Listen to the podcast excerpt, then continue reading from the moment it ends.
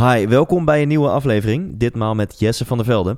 En wist je dat Jesse ook oprichter is van Green Juice? Je kent het wellicht wel van die irritante reclames op internet, op YouTube en eh, Instagram en overal. Het groene spulletje, als je daar uh, één glaasje per dag van drinkt, dat poeder met een beetje water mengt of in je smoothie mengt. Ja, dan heb je ik weet niet of ik heel accuraat ben, maar naar mijn zeggen 4,5 pellet broccoli, bloemkool en al dat soort vitamine mineralen in één keer naar binnen. Uh, nou, waarom vertel ik dit? Wist je dat Green Juice ook een kleine rol speelt in mijn nieuwe theatershow? Sterker nog, je krijgt gewoon, en het ga ik gewoon aan je overklappen, maar vertel het niet tegen de rest die al een kaartje heeft. Je krijgt zelfs een dagzakje green juice mee naar huis aan het einde van de show. Nou, hoe bijzonder is dat? Over de show gesproken, ja, ik mag er nog maar drie doen en ik wil gewoon dat jij erbij bent. Laat ik daar maar heel eerlijk in zijn. Uh, dat lijkt me super tof. Uh, er zijn nog wat plekjes. Dus uh, heb je zin om aanstaande woensdag te komen naar Amstelveen? Uh, laten we dat zeg maar de Noord-Holland, provincie Noord-Holland, uh, Randstad Noordshow noemen.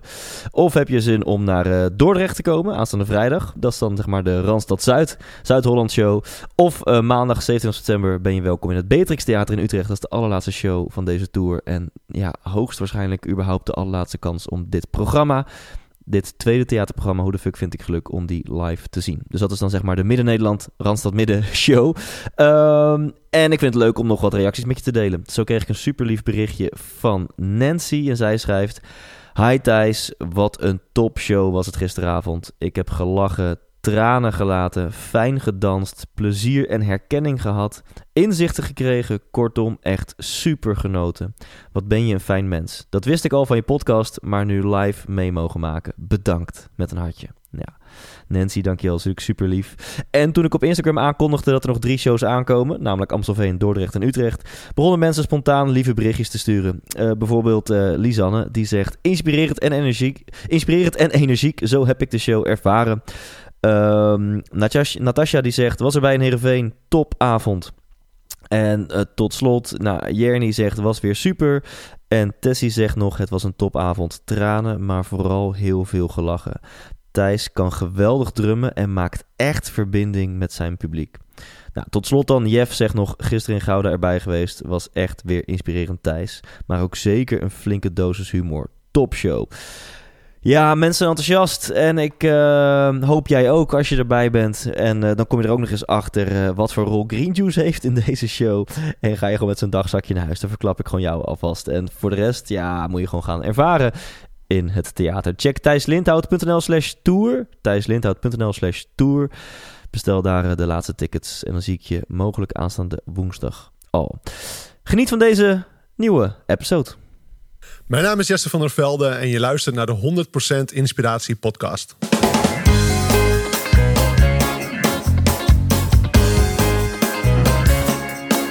Hey, wat goed dat je luistert. Hij staat weer voor je klaar. Je wekelijkse dosis inspiratie is weer daar. De allerleukste gasten geven al hun kennis prijs. Met je veel te blije host, hij praat je bij. Zijn naam is Thijs. Thijs,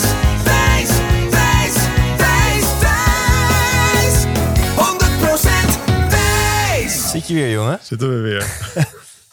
Terug van, uh, van weg geweest. Ja. Denk je dat het niet vaak is voorgekomen dat er zo weinig tijd tussen part 1 en part 2 zit uh, met een gast? Ja.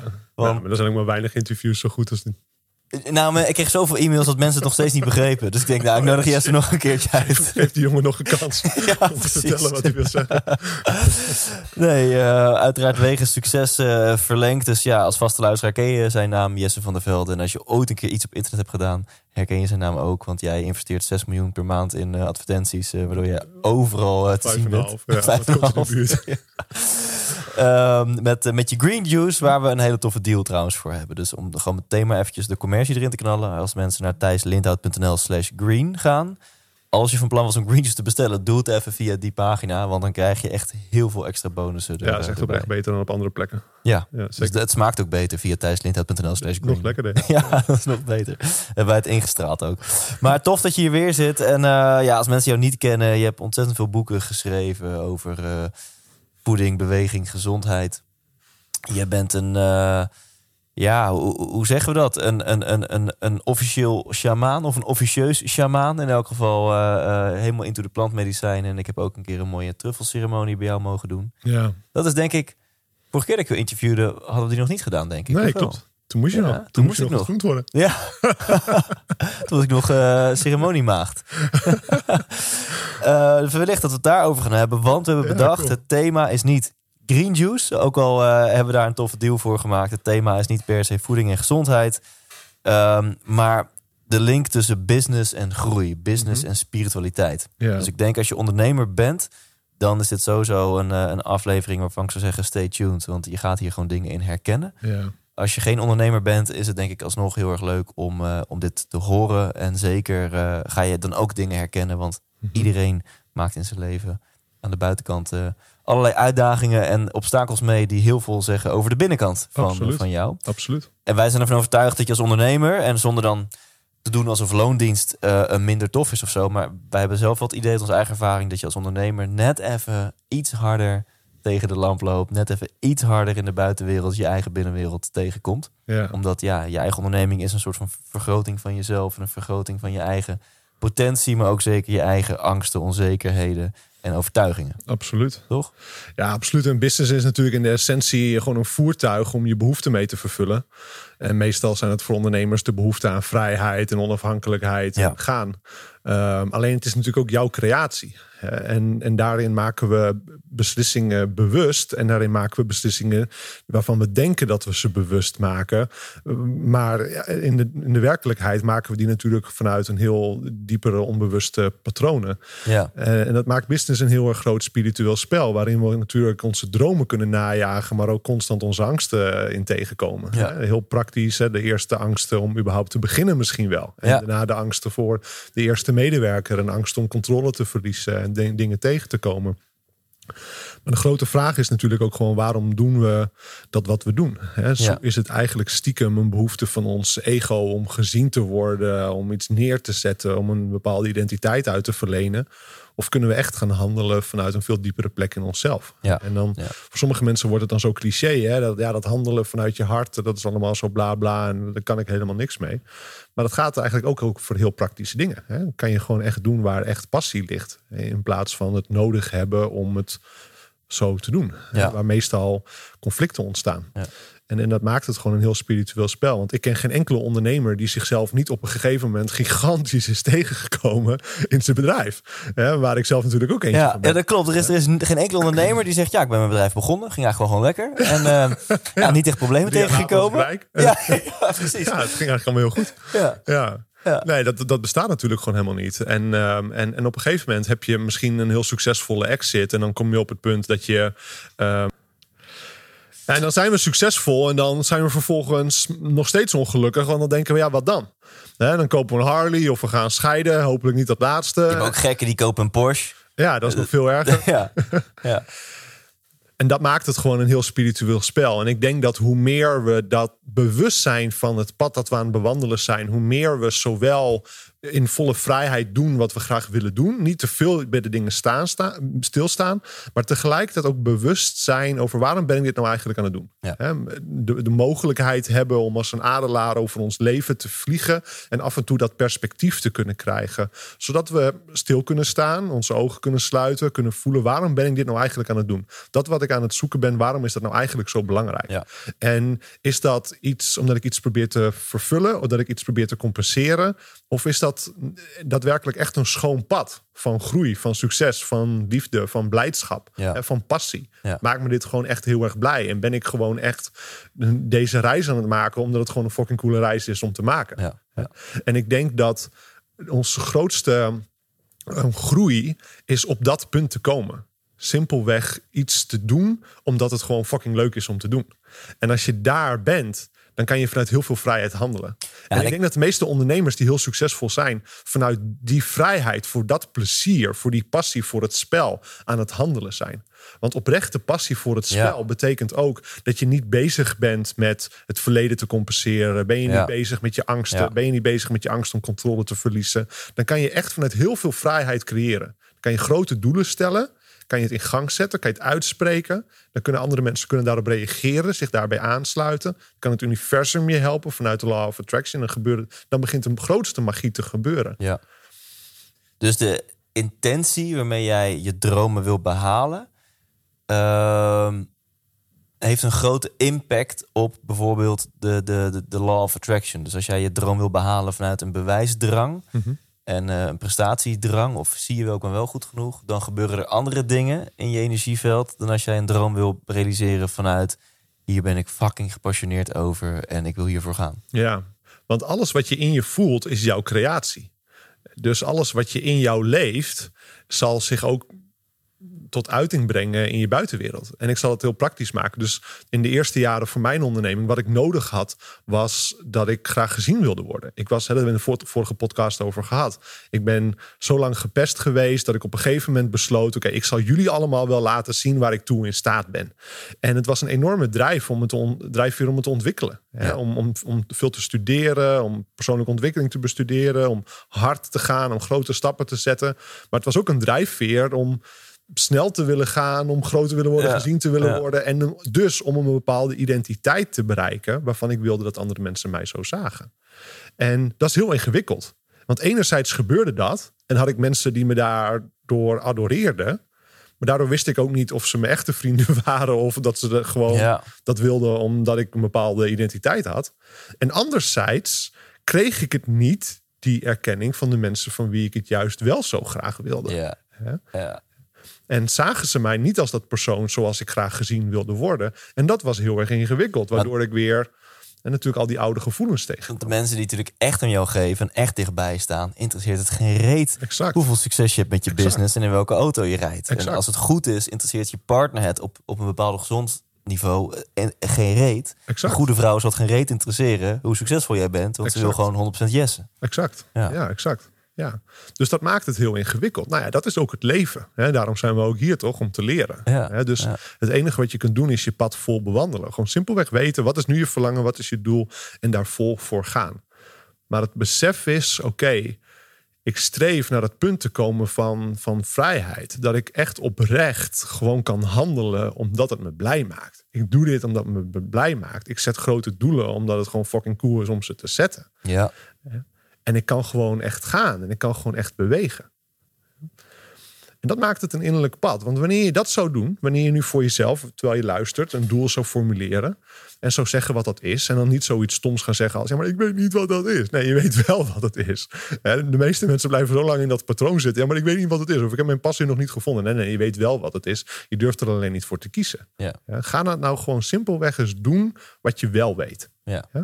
Dus, dus kies. En kies dat gewoon hier in het moment. Ga. Want het, is nou niet zo dat je nooit meer kunt aanpassen. Ja. Hè, tuurlijk pas je aan. Tuurlijk is Hester voortschrijdend inzicht. Tuurlijk ehm, on- on- on- krijg je meer helderheid over je Ja. doelen naarmate je langer doorgaat. Ja. Dus de eerste stap is simpelweg gewoon doen.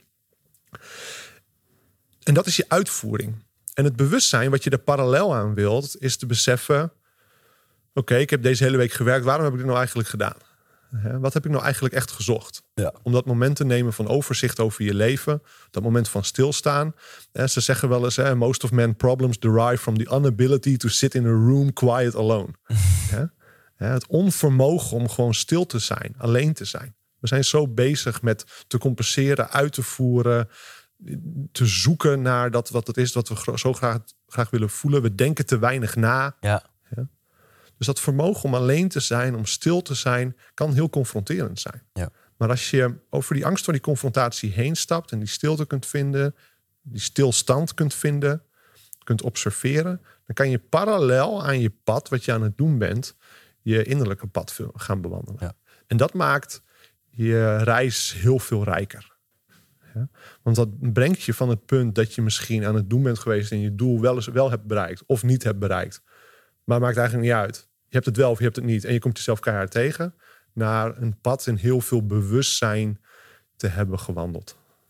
Wat ik hierin, en ik vind het tof, want er zijn al zoveel vragen komen nu trouwens bij mij naar boven. Dus we gaan hier een hele toffe en praktische business en een lekker zweverige spirituele podcast van maken. En Graag beide. Heel, heel tof, Jesse, dat jij, want mensen denken nu misschien, waar gaat dit heen? Dat jij met de billen bloot wil, want we gaan het hebben ook over jouw ondernemersjourney en hoe jij dus altijd weer die, die persoonlijke lessen bent tegengekomen in, eh, ja, in, in, in de externe wereld, in je business. Ja, En welke lessen eruit zijn gekomen. Ik zal ook af en toe eh, mijn ziel en zaligheid eh, erin gooien. ja graag. Ehm, maar het eerste wat ik hierover wil vragen, dit klinkt voor mij alsof we ehm, continu denken dat het leven een journey aan de buitenkant is. Van hey, Mhm. ik bouw dit en dat gaat goed of slecht. Of nu business is of relatie of, of whatever. Ja.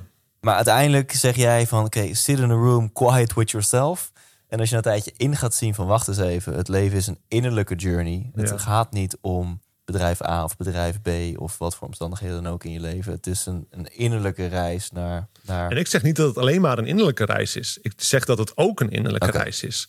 Want ik denk dat, dat je een aantal gradaties daarin hebt. De eerste gradatie is dat je gewoon compleet onbewust bent van, van, van, van je spirituele pad, van het innerlijke pad dat je gewoon doet. Nou, daar starten we allemaal niks mis mee. Ja, en dan is ook als er een probleem op je doen. pad komt, dan ligt het ook aan dat Dan ligt het probleem. aan de buitenwereld. Ja, aan de buitenwereld. ligt aan de buitenwereld. Je bent aan het doen, je bent gewoon aan het gaan, je bent doelen aan het bereiken, je bereikt ze. Ja, dit is echt waardeloos. Hè. Dat persoon is een eikel. Dit is echt vreselijk dat zij jou dat hebben aangedaan. Hè. De buitenwereld, het overkomt je. Ja, Ja. jij had dit niet mogen voelen. En omdat als zij zich anders hadden gedragen, of als die tegenslag niet pad was geweest, Exact. Ja. allemaal oneerlijk en het ligt aan de Exact. buitenwereld. Nou, en op een gegeven moment stappen we daar overheen. Dan stappen we uit die slachtofferrol. Gelukkig, dan beseffen we dat we zelf verantwoordelijk zijn over ons leven. En dan hebben we meer vermogen om de situatie te veranderen. Want je kunt een situatie niet veranderen als je iemand anders de schuld geeft of iets anders de schuld geeft. Je kunt alleen maar naar jezelf kijken. Maar we zijn nog steeds bezig met ons uiterlijke pad eigenlijk. Hè? Met de creatie, met de doelen, met het uitvoeren, met de buitenwereld. En, sommige, en op een gegeven moment komen we dan op, op het, in het bewustzijn dat er ook een innerlijk pad is. En dan gaan we yoga doen, dan gaan we meditatie doen, misschien wel een ceremonie met plantmedicijnen. We gaan doen een Vipassana retreat. We gaan ergens misschien wel een wereldreis maken of wat dan ook. En we gaan het innerlijk pad doen. Of we gaan een religie bestuderen of wat dan ook.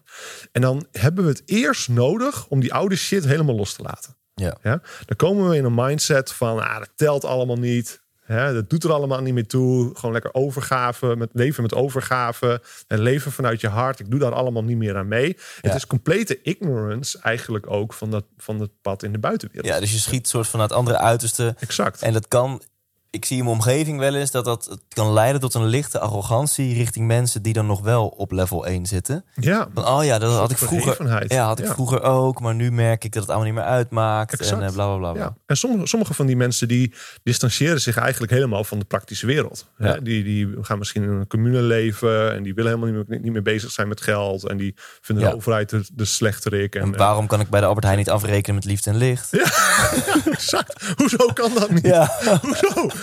Alles is toch liefde en licht? Kan ik mijn liefde en licht ruilen voor jouw bloemkool?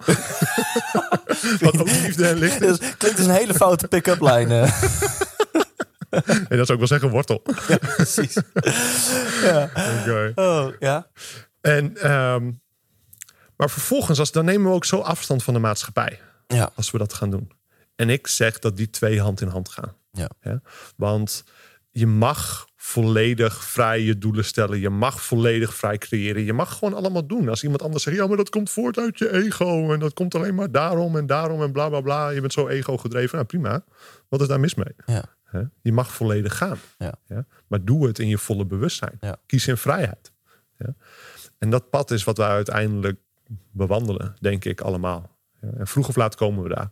Ja, want wat, wat is dan dat? Hè? Je zegt level 1, of ik heb het zo genoemd, maar hè, eerst zit je in een soort van onbewust en, eh, en ego en alles zegt aan de buitenwereld. Dan word je bewuster en eh, zie je dat, het, ja, dat, dat, dat je alleen maar eh, de wereld kan veranderen door naar jezelf te kijken. Dat je verantwoordelijk bent, exact. dat jij zelf keuzes hebt Ja, en je eigen leven op die manier bepaalt. Ja. maar dat kan leiden tot ignorance naar mensen, hè? Dat, dat je ineens het complete dat buitenwereld level 2 loslaat. is zelfverantwoordelijkheid. En dan daarna kan je spreken over een soort awakening. Hè? Een soort Ja. nieuw spiritueel bewustzijn. Ja. Het spirituele bewustzijn is te beseffen... we zijn heel veel meer dan ons lichaam van vlees en bloed. Ja. Hè, we zijn heel veel meer dan de materie die we kunnen zien. Er zijn natuurlijk ook heel veel eh, meer wetten in het universum dan dat we kunnen observeren met onze ogen. Ik bedoel, zwaartekracht kunnen we ook niet zien. Ja. Hè, kan je niet zien met je ogen, maar je kunt wel het effect van zwaartekracht zien.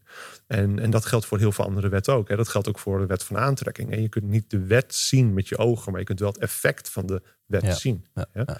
En, en de grote grap daar natuurlijk in is, is dat mensen zeggen van ja, ik moet het eerst zien, dan zal ik het wel geloven. Hè, maar de wet van aantrekking is natuurlijk, je gaat eerst maar geloven en dan laten we aan jou zien Ja. dat het ook echt zo werkt. En ik vind dat soort dingen hilarisch.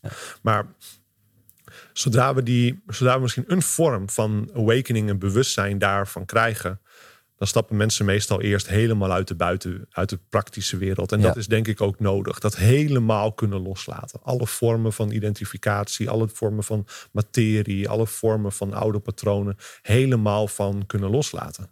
Ja. En daar, dan zeggen mensen soms, ja, die is helemaal van het padje af. Ja, ja, dan ben je de gek aan het worden. Ja? Dan, dan ben je, doe je ineens niet meer mee aan de maatschappij. Dan zeggen andere mensen, ja, maar ik kan jou helemaal niet meer volgen, et cetera. Nee, maar ik ben wakker aan het worden. Ja. En ik ben mezelf opnieuw aan het uitvinden. Ja. En ik denk dat dat een prachtig proces is. Ja. En je dat met heel veel aandacht voor dat proces en aandacht voor jezelf moet bewandelen. Ja, nu slaan we een ander bruggetje in, maar dan is ook nog een verschil in mijn ogen. En hier zit een oordeel in, dus dat is weer heel spiritueel van mij. Eh, eh, tussen de, de echte spiritualiteit, toch naar binnen, en een soort van de lifestyle spiritualiteit. Van ineens draag je ondefinieerbare kleding, ruik je naar salie en ga je naar biodansenavonden. dat is heel mooi, maar dat zegt nog niks over het feit of je echt spiritueel bent of niet. Ja, dat is echt hilarisch ook, ja. Toen ik met naar de Chiaro mensen ging om met hun te trainen en hun energy medicine te leren, toen vroeg ik aan Marjolein, is er ook iets waar je bang voor bent? Hè, misschien ben je, was hij bang voor zijn? Vroeg ik aan haar. Hè? Ik dacht eraan, misschien is ze wel bang om het te verliezen. Mar- Marjolein, jouw vrouw, even voor duidelijkheid. Ja, exact, ja. En ehm, toen dacht ze even na en toen zei ze dat je vervolgens alleen nog maar een poncho draagt. Want die mannen, die mannen die dragen natuurlijk van die prachtige kleurrijke poncho's Ja. in Peru.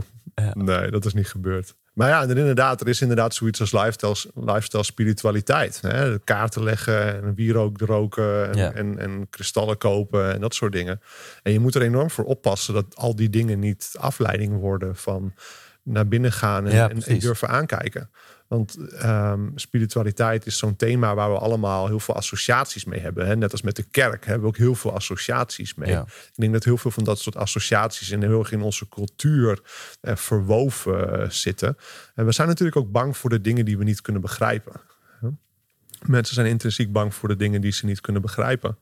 En dat is hier ook een klein beetje Ja. mee zo. Ehm, en mensen zijn snel geneigd om een uitweg te zoeken voor hun problemen. Ja. En een uitweg voor een probleem kan zijn sporten, het kan tv kijken, het kan zijn seks hebben of masturberen, het kan zijn drugs gebruiken om iets niet te voelen. Daarom hebben we meestal ook zo'n associatie met plantmedicijnen. Het zijn drugs en we willen escapen, et cetera. ja, ja. Maar eigenlijk is echte spiritualiteit en ook echte zelfontwikkeling, welk woord je het ook wilt geven, is heel eerlijk worden. Gewoon echt heel eerlijk zijn over hoe het nou eigenlijk echt zit. Ja. En dat is meestal dan niet echt leuk. Meestal gaat het over heel erg eerlijk worden naar jezelf. Dat je zelf echt wat te doen hebt. Ja. Dat je misschien wel een eikel bent geweest. Of een eikelin. naar je man of vrouw. Een bitch. naar je man of vrouw. Weet je. Ja. Dat je gewoon je shit hebt lopen projecteren op een ander. ja, dat je ehm, misschien wel veel te gemakkelijk over dingen hebt gedacht. En, en, en je werk niet goed aan het doen bent geweest. Je gewoon een schop onder je kont moet krijgen. Wat het dan ook is. En, wat, en wordt het tijd om daar heel eerlijk over te worden. En te zeggen, oké, weet je wel, schouders afstoffen en gaan staan en let's do it. Ja. Of het nou is, ga nou gewoon echt eens aan, aan het werk. Neem je verantwoordelijkheid over je leven. Of stop met jezelf dat oude verhaal te vertellen. Of stop met je vader of moeder de schuld te geven over dat je gekwetst bent als kind. Ja. Of stop te, ver- verwachtingen te hebben van je partner en altijd te klagen over dat hij of zij dat niet doet. Hè? Ja. Of stop met je verhaal over dat het mis is gegaan en dat het daardoor niet lukt. Of stop met het verhaal over dat de tijd is veranderd en dat het daarom niet meer kan. Of stop met het verhaal dat je business door de overheid kapot is gegaan. Of al dat soort dingen. Stop met het verhaal. ja. Het is allemaal een story. En kun je mensen één concrete tool of tip geven hoe ze daarmee kunnen beginnen? Want we willen soms wel stoppen met het verhaal, maar we weten soms niet eens wat het verhaal is. En als we dat al weten, weten we, zit het zo hardnekkig in onze neurologische paden dat we niet weten hoe komen we er vanaf. Nou, dus dat is een aantal dingen. Eén, het vermogen om te kunnen ob- observeren. Ik noemde net al die metafoor van... kan je zelf gaan uitzoomen over jouw leven? Kan als een adelaar over je leven vliegen? Dat zou je bijvoorbeeld kunnen doen door een tijdlijn te gaan creëren... van je geboorte tot nu. En om grote keerpunten in je leven te markeren. Ja. Zowel de goede als de slechte. En dan vervolgens jezelf een krachtige vraag te stellen. Want het antwoord zit hem in de vraag. Als je een goede vraag formuleert... dan ontstaat het antwoord vanuit daar. Hè? Ehm, dus waar is deze situatie een reflectie van? Dit wat er toen is gebeurd, waar is dat een reflectie van wat er in mij leeft? En als we die afstand kunnen nemen, onszelf een goede vraag kunnen gaan stellen, tracht dan eens gewoon te gaan observeren wat er in je opkomt. Tracht dus pure denktijd te besteden, gewoon een half uur lang, een uur lang, alleen maar aan die vraag. En die vraag iedere keer weer opnieuw te gaan stellen. Waar is dit een reflectie van? Van iets dat in mij leeft. En welk antwoord komt er dan in je op? En vervolgens zou ik me beseffen dat het oplossen gemakkelijker is dan dat je denkt. Hm. Want meestal denken we dat het heel veel hard werken is, dat we NLP-technieken moeten doen, dat we veel coaching nodig hebben. Maar dan wordt dat ook waar. Ja. Want dat is simpelweg ook vervolgens weer een nieuwe overtuiging. Ja. Jouw leven en het universum is een reflectie tot wat jij gelooft. Ja. Als je gelooft dat het extreem moeilijk is om iets te veranderen, dan zal dat ook zo zijn. En je kunt niet compleet naïef worden en het niet zo zien zoals het is. Je kunt niet ook niet zo makkelijk denken, nou, even weg en het is weg. Maar je hoeft het ook niet zwaarder te maken dan dat het is. Want vervolgens kan je met jezelf een heel simpel ritueel gaan doen. Kan je het verhaal gaan uitschrijven wat, het, wat je hebt geobserveerd bij jezelf. En dan besluit je om, ik laat het nu gaan. En dat doe je door een vuurtje te maken en het verhaal in het vuur te leggen. De simpele manier, ook onder andere van de oude shamanen, is om te zeggen: ik werk met het vuur. Ik werk met iets dat groter is dan ik. En ik geef het daaraan over. Ik geef Ja. het over aan iets dat groter is dan ik. Ja. En ehm, het was een enorm confronterend moment toen de, ehm, toen de shamaan waar ik mee in de leer was, het aan mij vroeg om dat te doen. Want ik had mijn eerste drum gekocht. Ik had voor het eerst een zelfgemaakte drum. En in de ceremonie en, en voor een medicijnman of een shamaan is je drum een van je belangrijkste tools. Dat is waarmee je je ritme brengt. Dat is feitelijk waarmee je je klank brengt. Dat is waarmee je de ceremonie leidt. Ja. En in ceremonie was het eerste moment dat ik met die drum ging spelen. Ik had er voor het eerst meegenomen, ik ging er voor het eerst mee spelen. En Willem Wout, die ging rechtop zitten. Willem Wout had altijd, dat is de shamaan, die had altijd zo'n moment halverwege de ceremonie dat hij een beetje in een, in een, eh, in een foetushouding eh, in, een ging, in, in de tipi ging liggen met een jointje in zijn mond. En dan ging hij eventjes ontspannen. en hij lag naast mij en ik zat naast hem. En ik dacht, en het was stil, dus ik ik, ik ging muziek maken. Hè. De regel in de typie is: oké, als je begint met te spelen, dan is dat jouw lied. Dus ik begon te spelen. Ik pakte het lied feitelijk. Ik pakte feitelijk de ceremonie. En Willem Hout die gaat rechtop zitten.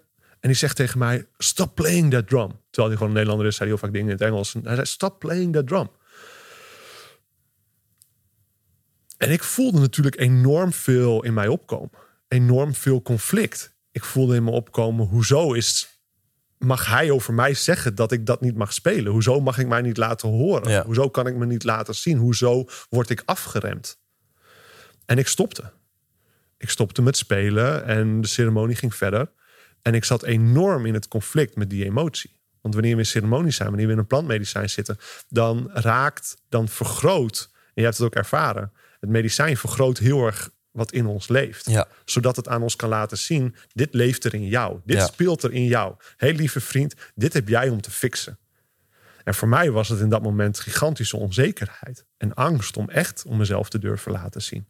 En ik was er enorm mee in conflict.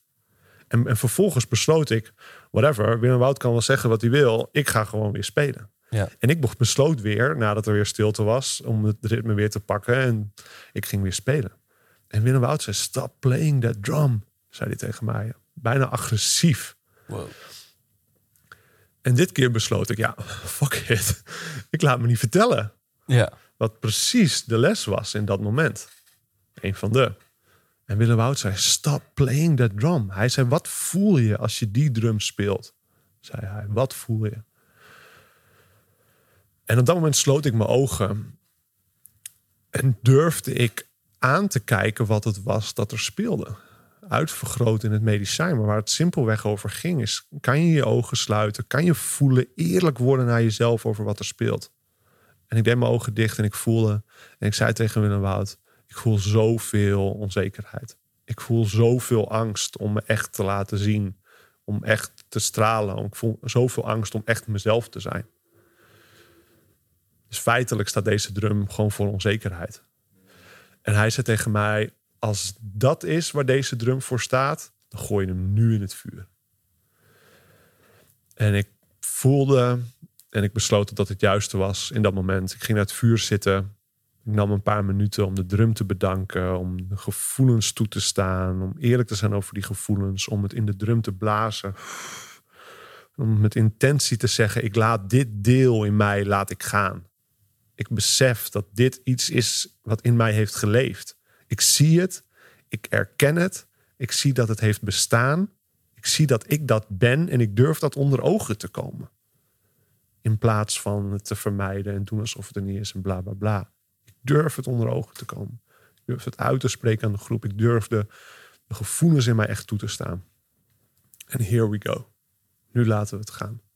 Want je kunt het iets pas alleen maar echt laten gaan als je het vol onder ogen bent gekomen, als je het vol hebt erkend. Ja. Ja. En ik gooide de drum in het vuur. En Willem Wouw zei, wauw. Hij zei, je hebt geen idee wat dat vuur me op dit moment laat zien. Want het vuur is zo'n vertegenwoordiging. Het is zo'n spiegel voor ons allemaal. En we leren allemaal zoveel in de ceremonie. En zoveel in het leven. Want eigenlijk is de ceremonie alleen maar een metafoor voor de rest van het leven. En daar ging het. En de weken daarna was ik enorm in conflict en boos op Willem Wout. Hoe kan je aan mij vragen om, dat, om een drum in het vuur te gooien? Is dat even shamanic? You know? Maar wat het was, was een bevestiging dat ik iets heel groots had laten gaan. Waar ik wat, wat een nieuwe plek in mij moest krijgen. Hoe ga ik hier nu mee om? Is voor je gevoel dan echt vanaf dat moment een stukje onzekerheid en een stukje 100% yes en niet durven te laten zien veranderd? Absoluut. Want als je in jezelf kunt aankijken wat er wat echt waar is, en je durft dat echt onder ogen te komen, en je durft dat te benoemen, dan heb je daarna je werk gedaan.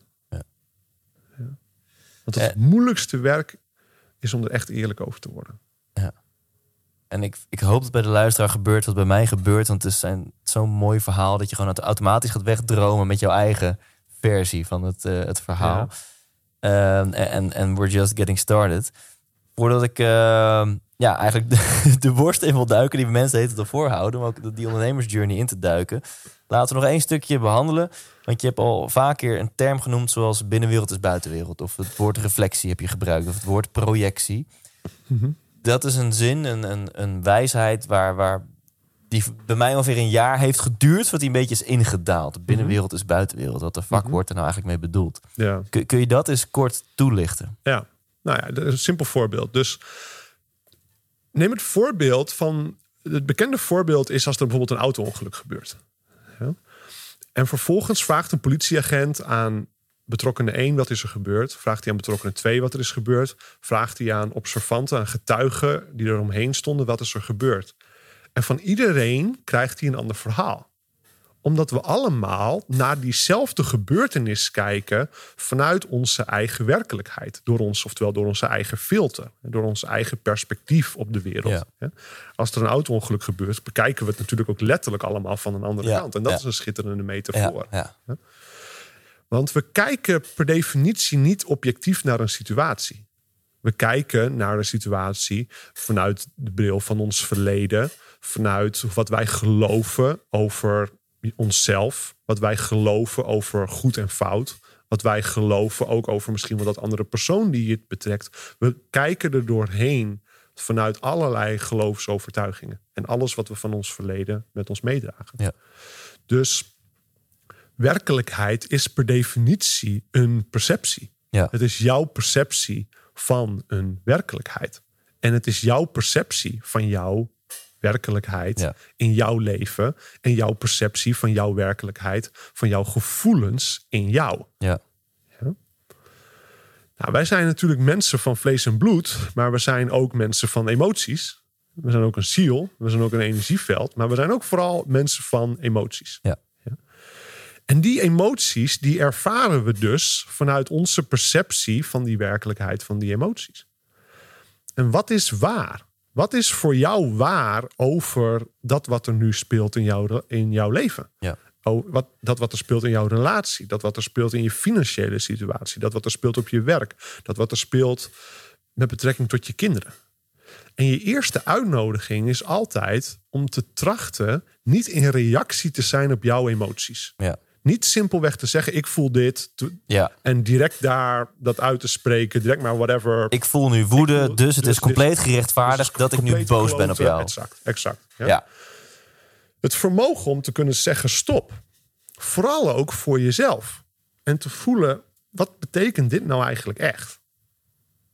Het vermogen om te kunnen pauzeren. Het vermogen om simpelweg met dat gevoel te zijn...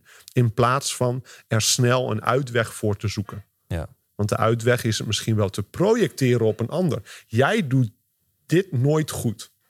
Ik wil dat jij dit zo doet in de relatie. Ik voel mij zo, dus jij moet dat anders gaan doen. Ja. Als jij dat zegt, dan voel ik me zo en dat vind ik niet leuk, dus jij moet dat anders doen. Ja. Oké, dat is inderdaad precies waar een uitnodiging zit om te groeien. Ja. Want een, je kunt een ander niet co- controleren. En wanneer je dat zegt, dan maak je jezelf compleet afhankelijk van die ander. Ja. En wie je de bal geeft, geef je de controle. Ja. Wie je de verantwoordelijkheid geeft, geef je de controle. Ja. Dus het enige wat we kunnen doen is zeggen: nee, mijn gevoelens zijn mijn verantwoordelijkheid. Ja, Wat en ik voel, voel ik. Punt.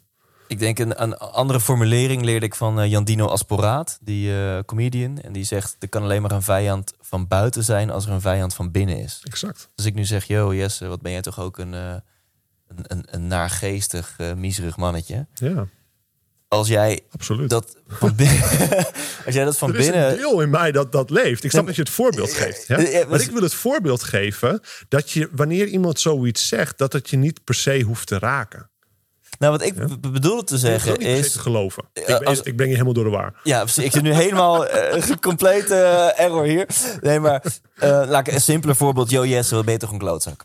Als jij diep van binnen ergens ook een onzekerheidje hebt... en je, je weet niet, je, je weet niet of je wel echt van jezelf houdt... en of je een goed mens bent, Dan Ja. wordt dat getriggerd. dan wordt dat getriggerd. Maar als jij diep, als het niks raakt... dat jij denkt, je gaat bij jezelf scannen van... raakt het een waarheid die ik van binnen heb? Nou, ik vind mezelf eigenlijk geen niks in mij dat dat Nee, zo voelt. Exact. Dan, dan kan je ook onmogelijk Exact. boos worden op mij. En dan kan je dus alleen maar... blijkbaar is het iets dat in mij leeft als jij dat over mij zegt. Ja, En als, dat is als het, het aankomt dan. wat relevant is voor mij. Ja. Want dat is voor mij een gelegenheid tot helen. Het is voor mij een gelegenheid tot groei. Ja, ja. En wat maakt dan dat we het zo verleidelijk vinden om precies wat jij net voordeed, om wel de oorzaak bij de ander neer te leggen? Want je zei het al heel mooi, dan geef je de ander complete controle Ja. over jouw emoties, over jouw geluk, over jouw leven. Dat is complete afhankelijkheid. En dat, wat maakt dan dat we dat, terwijl het zo'n destructieve route is op de lange termijn voor je geluk, voor je liefde, voor je, voor je emoties, voor je leven, wat maakt dat we het op de korte termijn toch zo verleidelijk vinden om te zeggen: nee, maar dat ligt aan jou en jij moet veranderen, want dan kan ik me beter voelen. Ja. Nou, ik denk, ik denk dat je dat op een aantal manieren kunt beantwoorden. Eh, Misschien wel op een aantal niveaus van bewustzijn. Enerzijds is natuurlijk al gewoon ons ego dat ook niet gekwetst wilt zijn en, en direct daar een uitweg voor wil zoeken. Ja? Ik denk dat er een overlevingsmechanisme in zit. Namelijk, hè, onze grootste angsten zijn natuurlijk om niet goed genoeg te zijn, om niet geliefd te worden. Het is heel evolutionair dat we het nodig hebben om onderdeel te zijn van de gemeenschap. Hè, want dat betekent overleven. Ja. Evolutionair gezien, in de historie gezien, konden we niet overleven als we alleen waren. Ja. De overleven moesten we samen doen. Dus dit, dat zit ergens nog geworteld in ons systeem. Ja. Ehm, als je het vanuit een misschien meer spiritueel perspectief bekijkt, dan kan je zeggen dat is precies waarvoor je hier bent. Want je bent hier om te leren dat er een eenheidsbewustzijn is. Dat er een bewustzijn is dat wij samen allemaal één zijn. Dat je, dat je bent gebouwd, dat je het lichaam is gebouwd uit de voedingsstoffen die je hebt gegeten. Ja. Het is niet zo, wij moeten goed zorgen voor deze aarde. Het is, je moet goed zorgen voor jezelf, want jij bent ook deze aarde. Ja. Alles wat jij eet is waar dit lijf uit op is gebouwd. Ja. Logisch toch? Ja. Dus in zekere zin ben je één met haar. Ja. En vanuit spiritueel perspectief zijn we één met God, zijn we één met energie, zijn we energie één met licht, met alle creatie. En wanneer we dat nog niet helemaal kunnen voelen, dan is dat eigenlijk ook onze eerste uitnodiging om dat te gaan herontdekken. Ja. het is iets wat je heel moeilijk in woorden kunt uitleggen. Het is heel moeilijk om het in woorden over te brengen, want woorden schieten per definitie tekort. Ja. Het, is meer, het is echt iets wat je moet gaan ervaren vanuit stilte te zoeken, vanuit Dat kan op heel veel manieren. Yoga te doen, Vipassana te gaan doen, een fishing quest te doen, een plantmedicijnceremonie te doen en te gaan microdosen. Er zijn heel veel manieren. Ja. En dus, want vanuit dat eenheidsbewustzijn is er helemaal geen verschil tussen jou en mij. Vanuit eenheidsbewustzijn besef ik me dat ik veel meer ben dan dat en dat het me niet hoeft te raken. Ja. Maar wat de grote grap daarin is, is je kunt daar niet naartoe springen. Je kunt daar niet naartoe cheaten. Ja. Je kunt niet het zeggen, ja, eenheidsbewustzijn, ik ben liefde, dus het raakt mij niet. Terwijl het je ondertussen wel raakt. De basis is altijd, wees eerlijk over wat er speelt. Ja.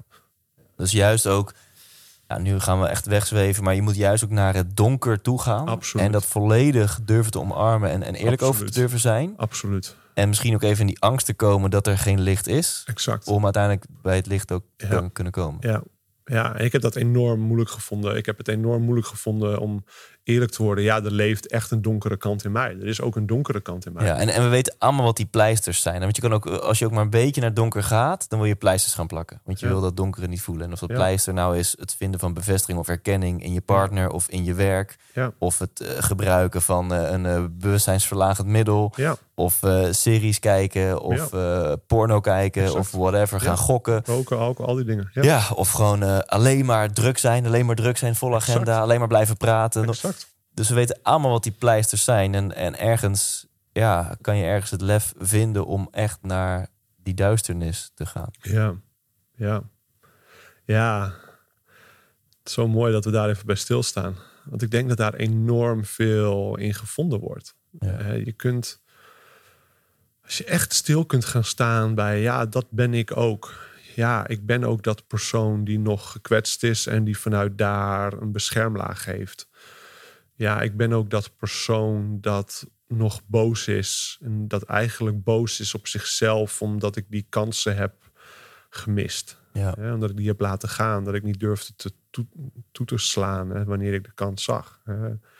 ja, er leeft eigenlijk nog spijt in mij daarover. Of ja, er leeft nog gemis daarover. Het is zo schitterend om daar heel eerlijk over te zijn.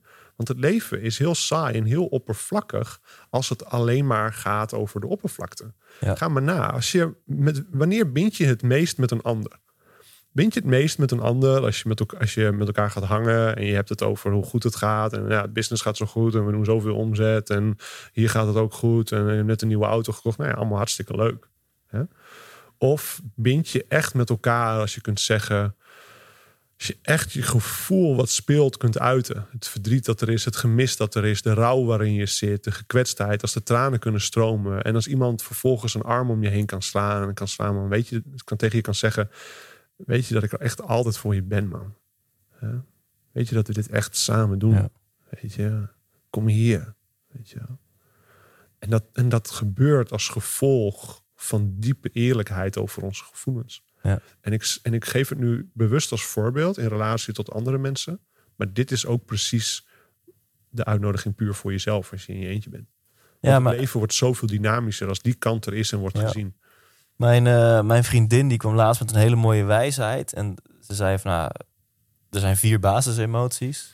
Eh, blij, bang, boos en verdriet. Mhm. Die laatste heeft helaas geen B, dat was een mooie geweest. En daarvan denk je, nou lekker is dat. Drie van de vier zijn negatief en één is Mm. positief. Weet je wel, Eh, boos, bang en verdrietig is allemaal shit. En het blij is de enige. Nee, eigenlijk zijn verdriet en blij zijn positieve. Ze zou je aan de positieve kant kunnen plaatsen. Maar wat nog veel belangrijker is, van deze vier emoties is verdriet de enige die vertraagt. Hmm. Al die andere drie die versnellen Hmm. en die zijn naar buiten gericht. En verdriet is de enige die vertraagt en waarbij je naar binnen gaat. Ik zie jou nu bedenkelijk kijken. Hmm. Ik, ik vond het een hele mooie wijsheid, want ik, ik koppel hem aan waar we het nu over hebben. Want als je, als je nou stil wordt en naar binnen gaat... en ik kan dat in elk geval heel erg herkennen... dat soms als je, de- als je de traan voelt komen of zo... dat, dat, dat je automatisch een soort van opluchting voelt. Van, Mhm. dat je, omdat je heel dicht bij, bij jezelf Mhm. komt. Ja. En dus, Ja. dus jij hebt het over, dan verbind je met anderen, maar, dus, en, maar je verbindt ook heel erg met jezelf als je Ja. in die eerlijkheid komt. Ja. Ja. Nou, wat, er in mij opkomt, is dat ehm, juist het besef dat, dat, die, dat, dat emoties simpelweg, dat negatieve emoties eigenlijk een vergif zijn wat we tot ons nemen als we het vasthouden. Dat eigenlijk verdriet en die tranen of woorden vinden, expressie of in ayahuasca gelopen kotsen zijn methoden om te uiten wat er speelt. En dat is per definitie goed en per definitie genoeg. En dat is eigenlijk het enige wat hoeft te gebeuren. Ja. Die traan die er is laten stromen, die woorden die er zijn, in liefde uitspreken, de gevoelens die er zijn, echt durven, durven, durven laten zien. En daarna zijn denk ik alle emoties mooi, omdat dan blijf je ze niet leven. Want wanneer dat niet gebeurt, dan blijf je ze leven. Ja. En dan ga je naar je kopie voor een uitweg. Ja. Dan ga je naar je kopie om een verhaal te verzinnen over wat het betekent, waarom het niet relevant is. Dan begin je in je kopie een methode te vinden om te overleven, om ermee om te gaan. Ja. En dat is nou juist wat je ja. niet ja. zou moeten doen. Ik, ik ben echt benieuwd waar, waar jij, als ik spreek jou als luisteraar nu even toe, of dit resoneert en of je, je spiegelneuronen hun werk doen en, en, en mhm. aan welk thema in jouw leven jij nu denkt. Mhm. Als we het hebben over dat, dat stukje duisternis of die, die, die eerlijkheid of die stilte opzoeken. Want mm ik zelf, en het is voor mijn, mijn vaste luisteraar geen, geen verrassing, uh, zit echt in een, uh, heb een pittig jaar uh, achter de rug. En ik heb dan het geluk, maar soms ook ongeluk, dat ik de beste coaches en experts in mijn netwerk heb. Onder andere ene Jesse van der Velde. En die kan ik dan allemaal bellen als ik in de shit zit. Hmm. Ehm, en daar heb ik heel erg veel aan. Maar soms heb ik misschien wel de meeste groei gepakt door gewoon even in die shit te zitten. En dat werd maar soms ook gezegd, zei Matthijs, je, je wil het niet voelen. Hmm. Je wil het niet voelen. Hmm. Eh, en dan dacht ik, bullshit. Uh, en, en, dan als ik er nou echt even stil werd en dacht van ja, wacht even, maar er is nou een bepaalde gedachte of een bepaalde angst of een bepaalde duisternis of onzekerheid waar, waar ik nu helemaal omheen wil, wil manoeuvreren en het liefst pleisters wil plakken. En op het moment dat ik dan gewoon echt even in die realiteit stap van en adem maar even doorheen en voel het maar echt eventjes, mm. Dan, dan was het soms verbazingwekkend hoe ik binnen 10, 15 minuten me, me veel lichter voelde. Exact, ja. En uh, ook, ook op dit moment is er één specifieke gedachte waarbij ik heb van, oh ja, maar gast, ga daar, manoeuvreer er niet omheen. Exact voel het nou gewoon maar. Dat is echt het enige wat je hoeft te doen. De rest heb je gewoon allemaal niet nodig. De rest zijn allemaal hulpmiddelen als dat ene niet is gelukt. Ja. Ja. ja. Um, weet je, ja, het voelt bijna gek om nu nog, nog de link te gaan leggen naar business. Want we zitten zo. Uh... Nou, eigenlijk hebben we het daarover gehad. Want we zijn begonnen met het feit dat business een uitvergroting is van al die dingen die in ons leven spelen. Namelijk onze verlangens, maar ook onze angsten. Ja. ja. En we hebben het er als eerste over gehad. Ook wanneer dit, zich verhoudt tot je bedrijf, hoe ga je daarmee om? Want de realiteit is natuurlijk dat je van alles tegen zult gaan komen. Ja. Ja. Ja, en laat ik daar eens mee beginnen. En dat is misschien een mooie, mooie opmaat naar ook uh, het begin van jouw ondernemersjourney. Uh, ik wil een interessante stelling ingooien. Mhm. En dat is dat uh, over het algemeen zijn de meest kan je zien aan hoe succesvol iemand is. Dus uh, iemand even in extremen heeft een, een nummer 1 hit. Iemand heeft mhm. een gouden medaille. Iemand mhm. heeft een miljoenenbedrijf. Mhm. Iemand is expert of beroemd. Wat dan ook.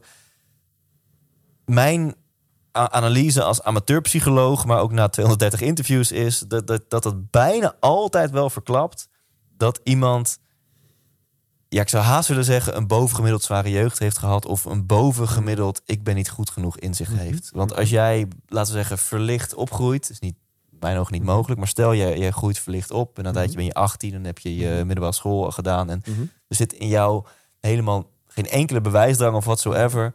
Ja, weet je door hoeveel shit je heen moet om een succesvol bedrijf te bouwen. Mhm. Om op een podium te komen staan. Mhm. Om uh, een gouden medaille te winnen. Mhm. Als jij jezelf al helemaal goed genoeg voelt, waarom zou je al die shit aangaan? Daar heb je helemaal geen zin in. Dus mijn analyse is een beetje mensen die boven, laat ik het zo dan noemen, mensen die boven gemiddeld succesvol zijn, zijn bijna altijd in mijn ogen, bijna altijd boven gemiddeld een gevoel van niet goed genoeg.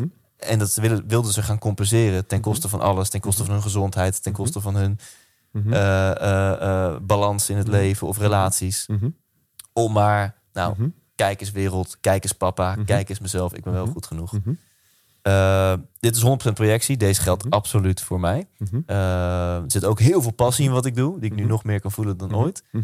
Maar even, dit is gewoon niet echt een vraag, maar meer een stelling. Hoe, wat is jouw visie op, op dit mooie betoog uh, wat ik net heb gehaald? Ja, ik denk dat het, dat het waar is, omdat het gewoon dat wat je, wat je zoekt is, laat je verlangen zien.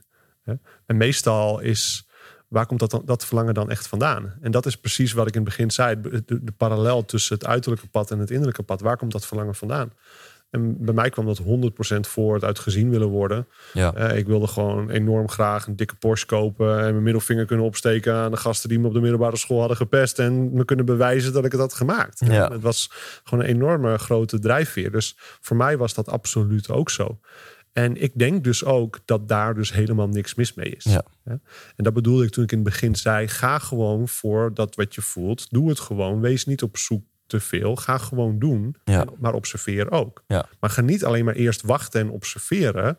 totdat je je levensmissie hebt gevonden. voordat je gaat doen. Ja. Want je vindt je levensmissie door simpelweg gewoon te gaan. en door gewoon in beweging te komen. Ja. Ja. Maar inderdaad, je, je komt zoveel tegen. Zoveel tegenslagen en zoveel falen, et cetera. dat je iedere keer. dat er wel iets moet zijn wat je enorm drijft. Ja. Ja. Ja. En dat kan ook een gezonde drijfveer zijn. Maar ik heb heel veel gouden medaillewinnaars hier aan deze tafel gehad. En die Exact. indirect of direct durfden die bijna allemaal wel toe te geven Ja. dat het een ongezonde motivatie was. Ja. Dat, dat ze niet eh, eh, 12 uur per dag wilden fietsen, zwemmen of schaatsen. Omdat Ja. dat nou het nummer één ding was wat bij hun hart lag. Of bij hun zielsmissie. ja. Maar omdat dat was, ja, eh, ja, toch een stukje bewijsdrang. Ja, ja. Ja. En dat is dus ook het voorbeeld van een innerlijke werkelijkheid. Dat is wat we in ons leven. Ja. En hopelijk kunnen we ook al in dat proces, feitelijk terwijl we dat stuk over onszelf aan het helen zijn, door het te doen, door te zwemmen, door wat dan ook te doen. Een vriend van ons, eh, die we allebei goed kennen, die eh, wilde op een gegeven moment een wereldrecord pull-ups verbreken. en tegen hem zei ik op een gegeven moment in de tipi, toen die helemaal verlicht na de ceremonie zat, ja, waarom was je die pull-ups nou eigenlijk allemaal aan het doen, hè? dus eh, wat, het dan ook is. Hopelijk kan je het in de tussentijd er Ja. ook veel plezier voor vinden. precies. Want er is dat uiteindelijk zoiets als simpelweg iets doen voor het grote plezier Mhm. ervan. Ja. En ik denk dat we daar naartoe bewegen. Ja. Nou, en, en dan link naar jou. Het is natuurlijk wel, of het nou een gezonde of ongezonde motivatie is, het is wel een gigantische motivatie en een heel groot vuur om gewoon te knallen, om te gaan. Exact. En jij bent volgens mij in 2009 heb je de switch gemaakt van gewoon ZZP'er van personal trainer naar ik wil een groot bedrijf bouwen. Ja, En, en toen begon je met eh, eh, schrijven volgens mij van, Ja. van je boeken te en, maken. en, en ja. eigenlijk een soort van online ondernemer werd je. ja, klopt. En kennisbusiness over eh, voeding en gezondheid. Ja, Mr. eh, Mr. Groene Smoothie. ja absoluut. En, en ja, in 2009 begon je. En in 2012 stond je al met je bek op een succesgids seminar. Volgens mij in de Witte Bergen langs de A1. ja, Voor 300, 400 man. ja. En ik dacht, wat de... Ik was zo jaloers op jou. Ik was daar. Ik weet nog dat we elkaar daar de handjes schudden. Jij weet Mm. Ja, natuurlijk meer. Je was toen de grote Nee, goeroe. Oh, weet je dat zeker cool, dat je naar cool. het podium kwam. Dat weet ik nog heel goed. En, ehm, en ik was... Ja, Toen was ik, het woord wappie nog niet eh, bedacht, maar toen dacht ik wel, ja, dan heb je weer zo'n wappie. Eén één ding weet ik zeker. Die gast gaat het nooit maken. en toen... Zo ehm, grappig dat je dat zegt, want ik zag zoveel verlangen in je. En ik dacht juist precies het tegenovergestelde. Ik zag zoveel verlangen. En ik, en ik had, was toen al zo, nieuwsgierigheid, wat, zo nieuwsgierig wat je zou gaan doen. Ja, ik Ja. was toen, zat ik dus vuistdiep in mijn journey van het moet groter, beter, meer. En ik moet de enige en de eerste en de beste ik. zijn. Ja, En dat was En natuurlijk, dus ik- had dus, ja, Zo ik had dus bewondering voor jou. En ook, wat wat de fuck? Hoe, hoe, binnen een paar jaar is hij gewoon een van de sprekers bij Succesgids. Weet je ook? Als Ja. zoiets van alleen de echte goeroes komen bij Succesgids. En ik was zo... En, en toen, nou, dit, ik ga dit gewoon delen. Misschien vind je het niet leuk, maar dat, ik, ik zei toen tegen jou... Wow, laten we binnenkort even een keer koffie doen, man. Want ik Ja. dacht, yo, eh, goede peergroep, ik kan van jou leren. Toen zei ik vast nee. En toen zei jij zoiets van, nou, ik wil je uitdagen om eerst nog een paar stappen te zetten en laten we dan koffie doen. Ja, hilarisch hè. En dat vond ik toen heel inspirerend en heel arrogant Ja, tegelijkertijd. vet arrogant. Ehm, ja, maar Ja. ik bedoel, ik zou nu, ik bedoel, we weten allebei hoe het is als je voor een zaal staat met 400 man en dan van die 400 willen 50 meer een kop koffie doen. exact. Ja. Eh, ehm, En tegelijk, dat, klopt, dat is praktisch zo. Hè. En tegelijkertijd is dat dus precies wat ook zo, zoveel speelt. Hè. Dus ja, jij bent nog niet goed genoeg om met mij te hangen, want je bent nog niet ver genoeg. Ja, dat is echt zo'n hilarisch ego-spel. ja, maar ergens is het natuurlijk ook waar. Ja. Hè? Als iemand een willekeurige volger van jou jou nu een berichtje stuurt. Tuurlijk, hey yes, niet met iedereen we zitten. hebben veel gelijke interesses. nu ga je zullen we het hebben doen? over het, stuk, over het stuk intentie. En vanuit waar zeg je dat? Ja. Zeg je dat van, oké, jij bent nog niet goed genoeg... En, en, en pas als je goed genoeg bent, dan mag je met mij zitten. Wat Ja. natuurlijk enorm veel gebeurt. Of zeg je dat van, nou ja, oké, lieve schat, ja, ik hou van je. En ja, het lijkt me super om dat te doen. Maar ja, dat kan nou eenmaal niet altijd zo makkelijk, Nee. altijd maar met iedereen, et Nee. cetera. En kan dat echt vanuit die oprechtheid gewoon komen. En Ja. en iemand, en kan je terwijl je dat doet, iemand zien voor zijn liefde, zijn grootsheid? Ben je in staat om iemand voor meer te zien dan dat hij is? Ja. En dat is denk ik een enorm groot vermogen om Ja. te ontwikkelen. Want wat ik daar eigenlijk deed, was iemand voor minder zien dan dat hij Ja. is. Ik zei, je bent nog niet goed genoeg. Je moet eerst verder zijn voordat je koffie kunt drinken. Als je eerlijk bent naar jezelf, dan was dat wel ergens ook jouw ik. intentie. Ja, ik weet dat niet meer, maar Nee. ik durf er wel eerlijk over te zijn dat dat het waarschijnlijk zo was. Ja. En, maar ik denk dat een prachtig vermogen om te ontwikkelen is het vermogen om iemand voor meer te zien dan dat hij is. Want ik zie in jou je succes, je talent, je vermogen om je te ontplooien. Ik zie je talenten. En ik zie dat in jou, wat jij misschien nog niet over jezelf kunt zien. En ik geef dat aan jou terug. Volgens mij ben jij heel goed daarin. Dank je wel voor dat uit te stralen. Oh, doe ik dat? Oh, doe ik dat? Dat wist Ja, ik helemaal ja, niet ja. van mezelf. Ja. Volgens mij ben jij uitzonderlijk goed in dat. Oh ja, ja, inderdaad. En iemand te zien voor meer dan dat hij is en dat terug te geven. Ja.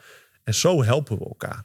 Maar eh, de- ik ga hem nu gewoon even van, van heel eh, zweverig spiritueel. Gewoon, ga ik je even helemaal hier op aarde trekken. Wat betekent dat dan? Dat jij op elk kopje koffieverzoek via LinkedIn en via Instagram... dat je echt de moeite neemt om iemand echt een heel gedegen... eh, liefdevol, eh, inhoudelijk antwoord te geven? Wel of stuur je gewoon, meer- yo, sorry, geen tijd, succes met je leven? Ja, wel iets van. meer dan, dan, ehm, dan, dan vroeger. Vroeger blokte ik mezelf gewoon echt compleet uit. Ja. En maakte ik daarmee ook helemaal niet echt contact met mensen. Tegenwoordig reageer ik echt wel op veel meer berichten. En vind ik het ook wel leuk. Maar ja, je moet dat natuurlijk ook gewoon praktisch gezien enigszins kunnen managen. Ja, precies. Ja, Ja. zeker ja. Ja, ik heb er zelf ook wel een, een, een shift in gemaakt van eerst... wow, iemand wil koffie met mij doen? doen. Ja. En daarna schiet je dan inderdaad door naar het andere uiterste van... yo, eh, heb ik geen tijd voor en eh, Ja. ik kies mijn eigen peers. Ja, En nu zit ik meer in, wow, wat bijzonder dat iemand dat aan mij... Ja, we gaan het niet doen, want Ja. dat, dat ja, Ja. past niet qua mijn tijd en qua mijn prioriteit. Maar Ja. wel wat bijzonder dat iemand dat aan mij vraagt. En Ja. laat ik ook eens even kijken wat voor persoon diegene is. En laat ik een, een, eh, met aandacht een berichtje terugsturen, ja, zeg maar. ja, ja, ja, Ja. Nou ja, kijk, jij zegt ook van, ja, ik wil het even weer praktisch maken en terug op aarde, et cetera. Maar ik, mijn mens, kijk, jij wilt graag met iemand zitten die jou iets teruggeeft waarmee je door enorm geweldig door Mhm. Hè, die jou in iets, jou in iets laat zien wat je nog niet over jezelf zag, waar je echt door geïnspireerd voelt. En ik denk dat dat, en natuurlijk wordt het zweverig als je gaat zeggen dat creëert een heel veel mooie aarde, maar dat creëert wel echt een fucking mooie aarde. ja. En Ja. dat is hoe we het samen doen. ja. En dat is hoe we samen groeien, leren als mensen. En een enorm mooie tijd hebben terwijl we op deze, dit ruimteschip wandelen. Ja. ja, dus je wilt te zeggen, als je, als je gaat hangen met, met iedereen die eerlijk gezegd eigenlijk meer iets van jou wil dan iets jou te bieden heeft. Los daarvan. Gewoon leef zo. Ja, Ja. Ja. En vooral leef zo naar jezelf. check. Ja. Ehm, maar het lukt jou om binnen drie jaar tijd. eh, eh, in elk geval, dat, dat was toen ook mijn definitie van succes. Ik dacht gewoon, ik weet niet wat hij is aan het doen, is maar hij is super succesvol. Want hij staat hier voor 400 man namens succesgids. En hij is eh, de, de, de grote goeroe. Ja. Volgens mij, eh, ja. Over, oh shit, ik bedenk het me nu pas. Over competitie gesproken. Ik heb toen die week daarna Witte Bergen gebeld. En gevraagd of ik die zaal kon huren voor 300 man. Een jaar later. Ja? En het werd een soort van mijn vision board van motherfucking Jesse van der Vee. Ik ga ook voor 300 man daar staan. En toen was nog mijn doel om soort van... gelukt? Nee. Kut shit. Hey, het is even, die stond niet in het script, die vraag, eh, Jesse. Dat wou ik even in het midden laten. Dat maakt niet uit. Nee, man. die heb ik toen met hangende pootjes eh, afge- afgebeld. Maar toen wilde ik nog de, ik wilde de beste sprekerstrainer coach van Nederland worden. Wat in principe hilarisch is, want ik was zelf nog maar net spreker. Maar ik dacht, ik wilde Ja. een beetje de Remco Klaassen worden. verlangen. Ja, Het zegt het en ik had daar een soort van, dus ik wilde een soort van speakers masterclass wilde ik daar gaan doen. Vet. ja, het is zo mooi. En ik denk dus dat het allemaal niet uitmaakt. Ik denk dat we, gewoon niet te veel betekenis daaraan moeten geven. En gewoon lekker moeten doen wat in ons leeft. En gewoon lekker gaan. Ja. Het is gewoon zo simpel.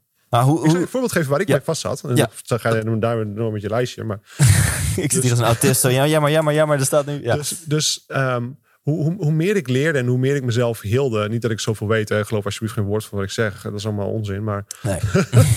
maar eh, hoe meer, hoe vrijer ik me voelde. En hoe innerlijk vrijer ik me voelde. Ook hoe minder ik het nodig had om iets te bewijzen. Om iets te doen. Om een bedrijf te groeien, et cetera. Maar ik voelde wel daar. Ik voelde ook steeds meer vrijheid voor simpele passie voor dingen. hè. En ik leefde altijd heel erg met nee, ik moet mensen helpen met hun gezondheid. Ik moet ontwikkelen in gezondheid. Ik moet daarin mensen helpen en dat doen. Ehm, maar dat was weliswaar ook vanuit mijn hart, maar ook echt vanuit mijn hoofd. Want wat ik ook gewoon echt ontiegelijk leuk vind, is marketing doen. Ik vind dat gewoon ontiegelijk leuk. Ik vind dat spel ontiegelijk leuk. En ik doe dat met producten die echt iets doen. Ik doe het niet onethisch, maar ik vind het spel ontiegelijk Ja. leuk. En hoe vrijer ik me voelde om dat simpelweg te laten stromen, hoe meer dat, hoe, eh, hoe meer dat ruimte kon krijgen. En ik daar nu een nieuw bedrijf in start, zoals je weet. Ja. Hè, en dat weliswaar ga doen voor superfoodies en voor gezondheid. En dat komt bij elkaar.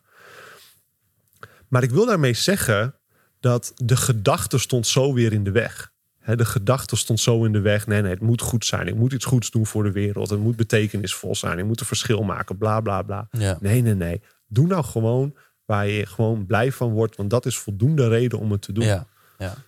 Ja. En daar maak je, om dan inderdaad weer zweverig te worden, automatisch de wereld een stukje mooier mee. Ja, Want als jij iets doet waar je blij van wordt, Exact. dan is dat jouw energieveld, jouw trilling, straal je dat uit. Exact, ja. En dan inspireer je per definitie anderen. Ja. En dan altijd wel binnen de morele grens. Als jij nu zegt, nou, ik word er blij van om met 200 km per uur door rood licht te rijden. Absoluut. ja, ja, leuk dat je er blij van wordt, maar misschien niet, niet, geen goed idee. Niet zo verstandig. Doe maar Nee, niet. nee. Nee, klopt. Ehm, waar is dan bij jou, want ik, ik heb meerdere switches in mijn eigen ondernemersleven eh, gehad. Twee hele concrete. Eén is een dikke vette burn-out. Die kwam eh, tegelijkertijd met ook veel privé shit, eh, met een bijna faillissement. Dus Thijs werd echt even goed in de groei geduwd. En eh, ik was zo koppig dat dat eigenlijk nog niet genoeg was. En eh, een tweede leermoment was eigenlijk het punt waarop ik door omstandigheden compleet begon in te zien van... wow, ik ben echt ehm, eh, alle bevestiging en liefde en erkenning Mhm. die ik wil in het leven, die ik Mhm. eigenlijk in mezelf wil voelen, Mhm. ben ik aan het halen uit mijn business. Mhm. Eh, iets wat je ook in een relatie kan doen. Dat je een tijdje, als je verliefd wordt, zegt... jij wordt mijn bron van liefde en erkenning in het leven. Mhm.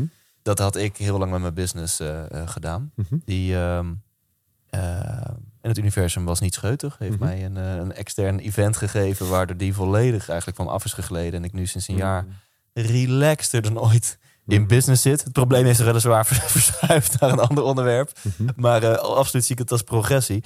Eh, maar genoeg over mij. Waar is dan bij jou... En ik, ik denk dat het misschien wel begon met de mentor die je vond. Mhm. Waar is dan bij jou de shift gekomen in... Oké, eh, eh, ja, de, van de ongezonde motivatie. Mhm. Kijk eens Thijs Lindhout voor wat voor grote zalen ik sta. Mhm. Was totaal niet je motivatie, maar ik vat het even zo samen vanuit mijn ego. Naar een gezondere motivatie. Ik wil gewoon doen wat ik leuk vind. Ik heb niks te bewijzen. Maar ik, Jesse van der Vee, ervaar hier passie bij. Ik wil dit doen. Absoluut door gigantisch te falen. Want juist door te falen, door op je bek te gaan, kan je leren dat je dat wat je zocht niet allemaal nodig hebt. Dat dat echt een illusie is. Dat je helemaal oké kunt zijn met wie je bent, zonder dat je dat nodig hebt. En het was toen ik Superfoodies kocht, dat heette toen Detox Your World en, en rawfoodsuperfood.com. We voegden dat toen samen, die twee bedrijven. Dat is in 2012 gebeurd. Eerst superfood.nl kochten we in begin uh, rawfoodsuperfood.com. En dat werd toen superfood.nl begin 2012. En een half jaar later Detox Your World in Engeland. Ehm, toen was ik, voor, was ik mega succesvol in alles wat ik deed. Nummer één bestseller boeken. Alles liep, alles ging heel goed. En, en Albert Sonneveld, die zei tegen Arwin, dat later mijn businesspartner werd. Hij zei, dit is gewoon echt de allerbeste marketeer in Nederland. En Arwin en ik hadden elkaar toen net ontmoet. ehm, ehm, omdat ik was op zoek naar een investeerder om het bedrijf in Engeland, Detox World, mee over te nemen. Ehm, ik had al veel langer de droom. Ik wil graag een mentor hebben die een bedrijf heeft opgebouwd van 100 miljoen. Dit was al ergens in 2010 of zo. Hè? Want Ja, toen een ging soort van Tony een Robbins- crazy megalomaan doel. Maar To- je dacht, Tony wil... Robbins zei, weet je, als je succesvol wilt zijn, als je snel wilt leren, omring je met mensen die het Ja. al hebben gedaan. Dat is de snelste manier om het te leren. Ja. En ik dacht, wat wil ik? Ik wil een bedrijf van 100 miljoen, dus ik wil een mentor hebben die een bedrijf heeft opgebouwd van 100 miljoen. En daar wil ik van gaan leren. En dat sprak ik al vanaf 2010 hardop uit. Waaronder bijvoorbeeld ook naar Albert Sonneveld en zo, die weten dat ik dit, dat ik dit vaak zei. En toen in 2011, toen was ik bij, ook bij Tony Robbins, bij Business Mastery. En toen ontmoette ik daar een vrouw, Shazzy, die is haar nickname. Had meerdere boeken geschreven over voeding en over gezondheid. Echt een raw food guru in Engeland. Waaronder ook met David Wolf boeken geschreven. En die was eigenares en oprichter van Detox Your World. En ik zei tegen haar, wil je je bedrijf niet verkopen? Toen zei ze, nou, het is eigenlijk al een stille ver- verkoop. En eh, zou je het willen kopen? Nou, het bedrijf was veel groter dan mijn bedrijf toen. Qua omzet, bank zou dat ook echt lang niet financieren. En ik zei, ja, ik ga het kopen. Ik Ja. blufte dat. Ja. Want als je mij vraagt, hoe stond ik voor die zalen voor 400? Ja, ik blufte die shit gewoon, weet je wel. Dat- Geloof het, zie het en ga het dan gewoon doen. Ja, dat is gewoon uiteindelijk hoe het heel, voor- heel, erg werkt in, in essentie. Dus ik blufte ook toen weer, ja, ik wil je gewoon je bedrijf kopen. En toen besloot ik, als er zoiets is als de Law of Attraction... en ik had er wel een aantal keren heel mooi mee in een aan- aanraking gekomen met de Law of Attraction... maar ik zet hem weer opnieuw in. Ik heb iemand nodig om dit bedrijf mee over te nemen... en laat het universum mee Ja. werken. En ook via Albert ontmoette ik dus toen Arwin. En die bleek later precies een bedrijf van 100 miljoen omzet te hebben opgebouwd. En die perfectie zag ik overigens trouwens pas een paar jaar later. De perfectie van die wens uit te spreken. Ik wil die mentor. En dan precies dat persoon te vinden. Maar vervolgens ook nog eens precies het persoon te vinden die mij de lessen kon geven die ik heel erg nodig had. Want ik wilde die mentor natuurlijk ook hebben omdat ik nog niet het volledige vertrouwen in mezelf had dat ik het kon. We kochten dat bedrijf samen, we gingen ermee aan de slag. Arwin die zag hoe de superfood.nl webwinkel in Nederland heel snel was gegroeid. Want ja, ik was natuurlijk heel bekend in Nederland. Dus ik kon dat bedrijf natuurlijk heel snel een boost geven. Ja. En hij zei, we gaan dat in Engeland ook doen, zei hij. En ik had ergens een onderbuikgevoel, dat gaat niet gebeuren. Ik had ergens dat onderbuikgevoel. En vervolgens startte een aantal jaren van het proces dat ik wilde het bedrijf weliswaar wilde groeien, maar het nodig had van Arwin om die goedkeuring te krijgen. Ik, ik durfde iets niet te doen als hij daar niet de goedkeuring voor gaf. En de grote grap was, hij wist helemaal niet wat we aan het doen waren. Hij wilde met mij zaken doen omdat hij wilde leren een internetbedrijf op te bouwen, wat hij nog nooit had gedaan. Het is een en al hilariteit. En als gevolg daarvan ging het gewoon helemaal niet goed. Ja. Ik kon niet het volle vrijheid handelen. Ik durfde niet in mezelf te geloven, want dat was achteraf precies de grote les. Ik had Arwin zijn toestemming nodig. Arwin die wist het eigenlijk ook niet. Dus we neigden er veel te veel naartoe om een Maar bedrijf te bouwen wat hij al had gebouwd. Ja. Wat, wat, wat helemaal niet moest gebeuren, want dat kende hij. Dus gingen we dat maar doen. Ouderwetse verkoop aan biowinkels en retail omzet. En allemaal gedoe, et cetera. En het werkte natuurlijk allemaal voor geen meter. Veel te veel concurrentie. En het bedrijf maakte gewoon al vier jaar lang achter elkaar. Klein beetje verlies, beetje meer verlies, break-even. Het werkte gewoon voor geen meter. Ja. dus hij dacht, ik heb Jesse nodig om van te leren. En jij dacht, ik heb hem nodig om van te Exact. leren. Ja. En vervolgens kwamen we diep in de knel te zitten. Want, want hij had een half miljoen geleend aan het bedrijf, wat er helemaal niet weer uit terugkwam. En zijn middel was om maar te trachten meer controle te houden. Want hij wilde absoluut niet dat dit een, zou, geen succesverhaal zou worden. Ja. Want het paste totaal niet bij zijn identiteit. Ja. Ik ben succesvol in wat ik doe. Onze match ook weer opnieuw. En ik ga echt niet toestaan dat dit faalt.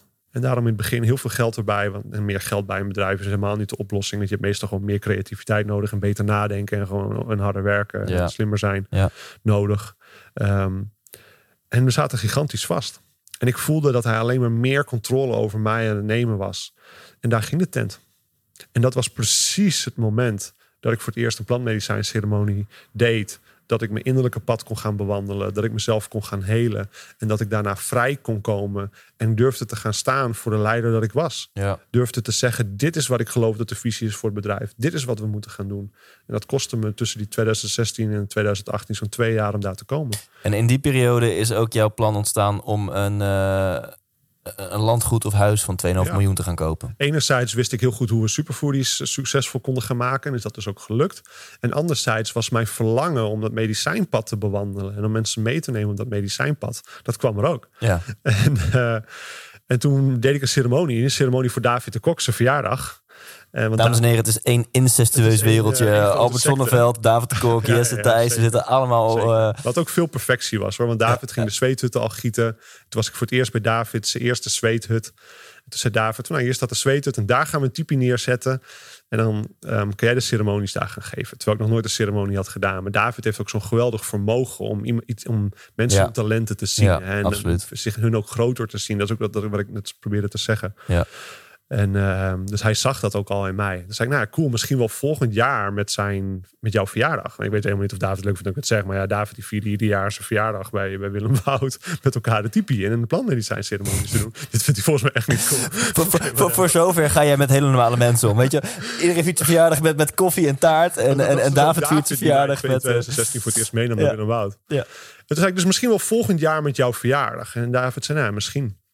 En ondertussen was het een paar maanden later, kwam zijn verjaardag eraan. En hij belt mij op een maandagavond en hij zegt... Jesse, Willem, eh, het- verjaardagsweekend is aankomend weekend vanaf zaterdag. En Willem Wout heeft afgezegd.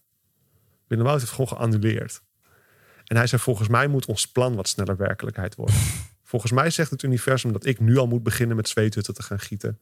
En volgens mij moet jij de ceremonie gaan geven. Wil jij de ceremonie ge- geven? En toen zei ik, dat is goed. Hij zei, ik ga snel een typie regelen. En toen heeft hij een typie geregeld. En zijn we twee dagen ceremonies gaan doen. En in die eerste ceremonie zei het medicijn tegen mij... en voor sommige mensen is dat nog te vaag... maar onze dromen kunnen ons ook inzichten geven. En in de plantmedicijnen weten we dat we kunnen communiceren met het medicijn. Dat het ons inzichten geeft. Ja. We weten niet waar het vandaan komt. Het medicijn zei tegen mij... David heeft deze typie voor jou gekocht. Zodat jij dit werk kunt gaan doen. Dat is wat ik zag in de ceremonie. En de volgende ochtend zaten we daar weer met elkaar in de, in de tipi. En eh, zaten we een beetje te kletsen. En David begint zo ineens te zeggen... Ja, ik weet eigenlijk helemaal niet waarom ik die tipi hier heb gekocht. Want ik heb helemaal geen tipi nodig. Ik wil die zweten doen. Ik heb helemaal geen tipi nodig. Maar ik heb hem maar gewoon gekocht. En ik had hem achteraf gezien ook gewoon kunnen huren. En hij zit altijd zo'n beetje te lullen. Waarom heb ik die tipi gekocht? En toen dacht ik, broeder, ik weet waarom jij die tipi hebt gekocht. Want die is voor mij. Mm. Want zodat ik dit werk kan gaan doen. Ja. Dank je wel, universum. En dat is zoveel perfectie. En hoe meer we ons pad bewandelen, hoe meer we worden geholpen. En daar geloof ik heilig in. Ja. Just do it. En de tweede ceremonie zei het medicijn tegen mij: Lieve broeder, dit is je pad. Dit is wat je gaat doen. En toen in dat weekend kwam ik in aanraking met een groot, eh, of met een klein landgoedje, de- drie hectare grond. Ehm, een prachtig huis erop, een heel groot huis, vlak boven Amsterdam. Stond te koop voor 2,5 miljoen. En ik dacht dat het signalen waren en dat waren het ook.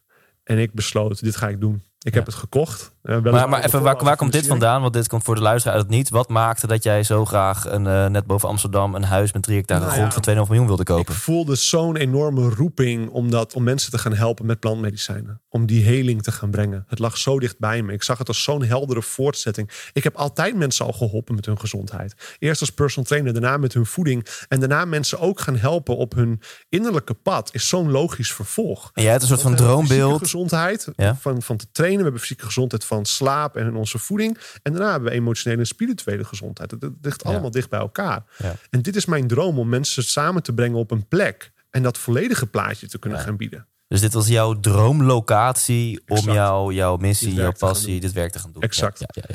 En toen besloot ik, oké, ik ga dit doen. Ik kocht het huis, gelukkig onder voorbehoud van financiering.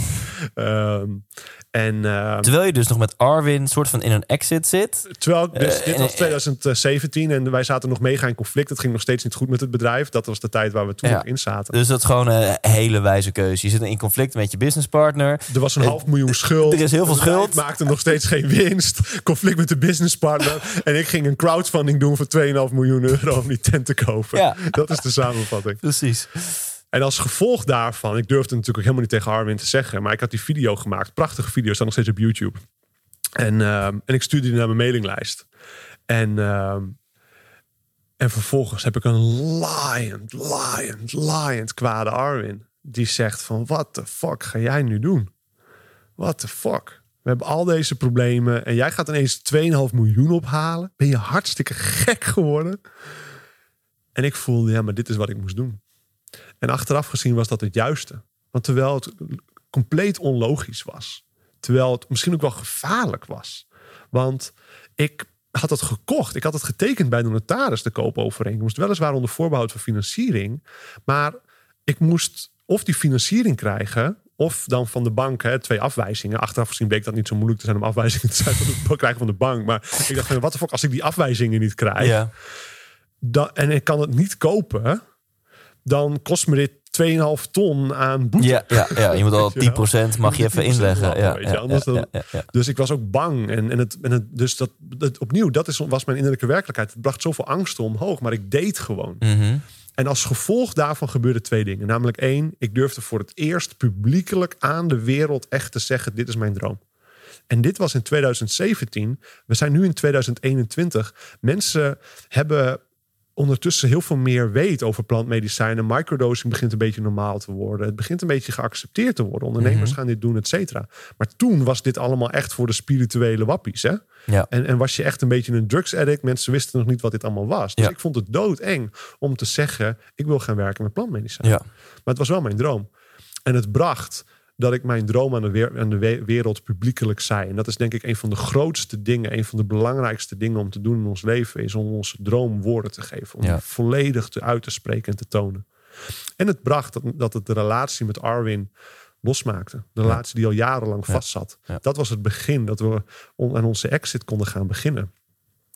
En het was niet gemakkelijk, maar het was wel het juiste. Ja. En het was simpelweg luisteren naar de calling die ik totaal niet begreep, die misschien wel compleet achterlijk was, maar ik voelde in mijn buik: dit is wat ik moet doen. Het, het brak alles los. Het was zowel een pad richting je droom en verlangen... Exact. als afscheid nemen van Exact. dingen die niet meer bij jou pasten. En wat ik dus, en dat is exact dat. En wat ik erover wil zeggen, is handel gewoon simpelweg naar wat goed voelt. Ja. Want je, kunt, je gaat nooit kunnen begrijpen waarom het goed voelt. Ja. De meeste mensen zoeken Ja. naar de zekerheid. Ja, maar wat is dan stap 2? En wat doe ik dan daarna? Wat als het niet lukt? Et cetera. En omdat ze op zoek zijn naar stap 2 en 3, Ja. zetten ze stap 1 nooit. Een, een maat van mij die vertelde laatst iets met zijn coach. Had hij het over dat, dat hij nogal impulsief is. Mhm. Dat hij best wel grote beslissingen in het leven, hè, eh, huis, relatie, carrière, heel impulsief heeft genomen. Mhm.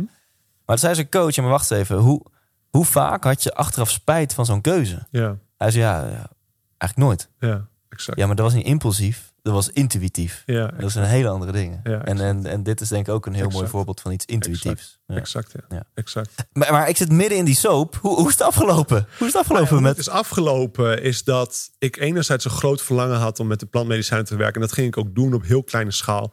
Maar ik me ook voor het eerst besefte me, ik zit in de shit. Ja, Dit is echt waardeloos. Dit is compleet tegenovergesteld van wat ik altijd heb voor me heb gezien. Die succesvolle jongen is nu ineens niet meer zo succesvol. Ik, mijn ego was zwaar gekrenkt, want ik was van mijn vriendengroep altijd degene die het snelst ging en de meeste omzet deed en bla bla bla. En ondertussen gingen allemaal jongens mij voorbij en dat vond ik echt totaal niet leuk. voorbij ook, weet Ja, je wel, ja, ja. whatever.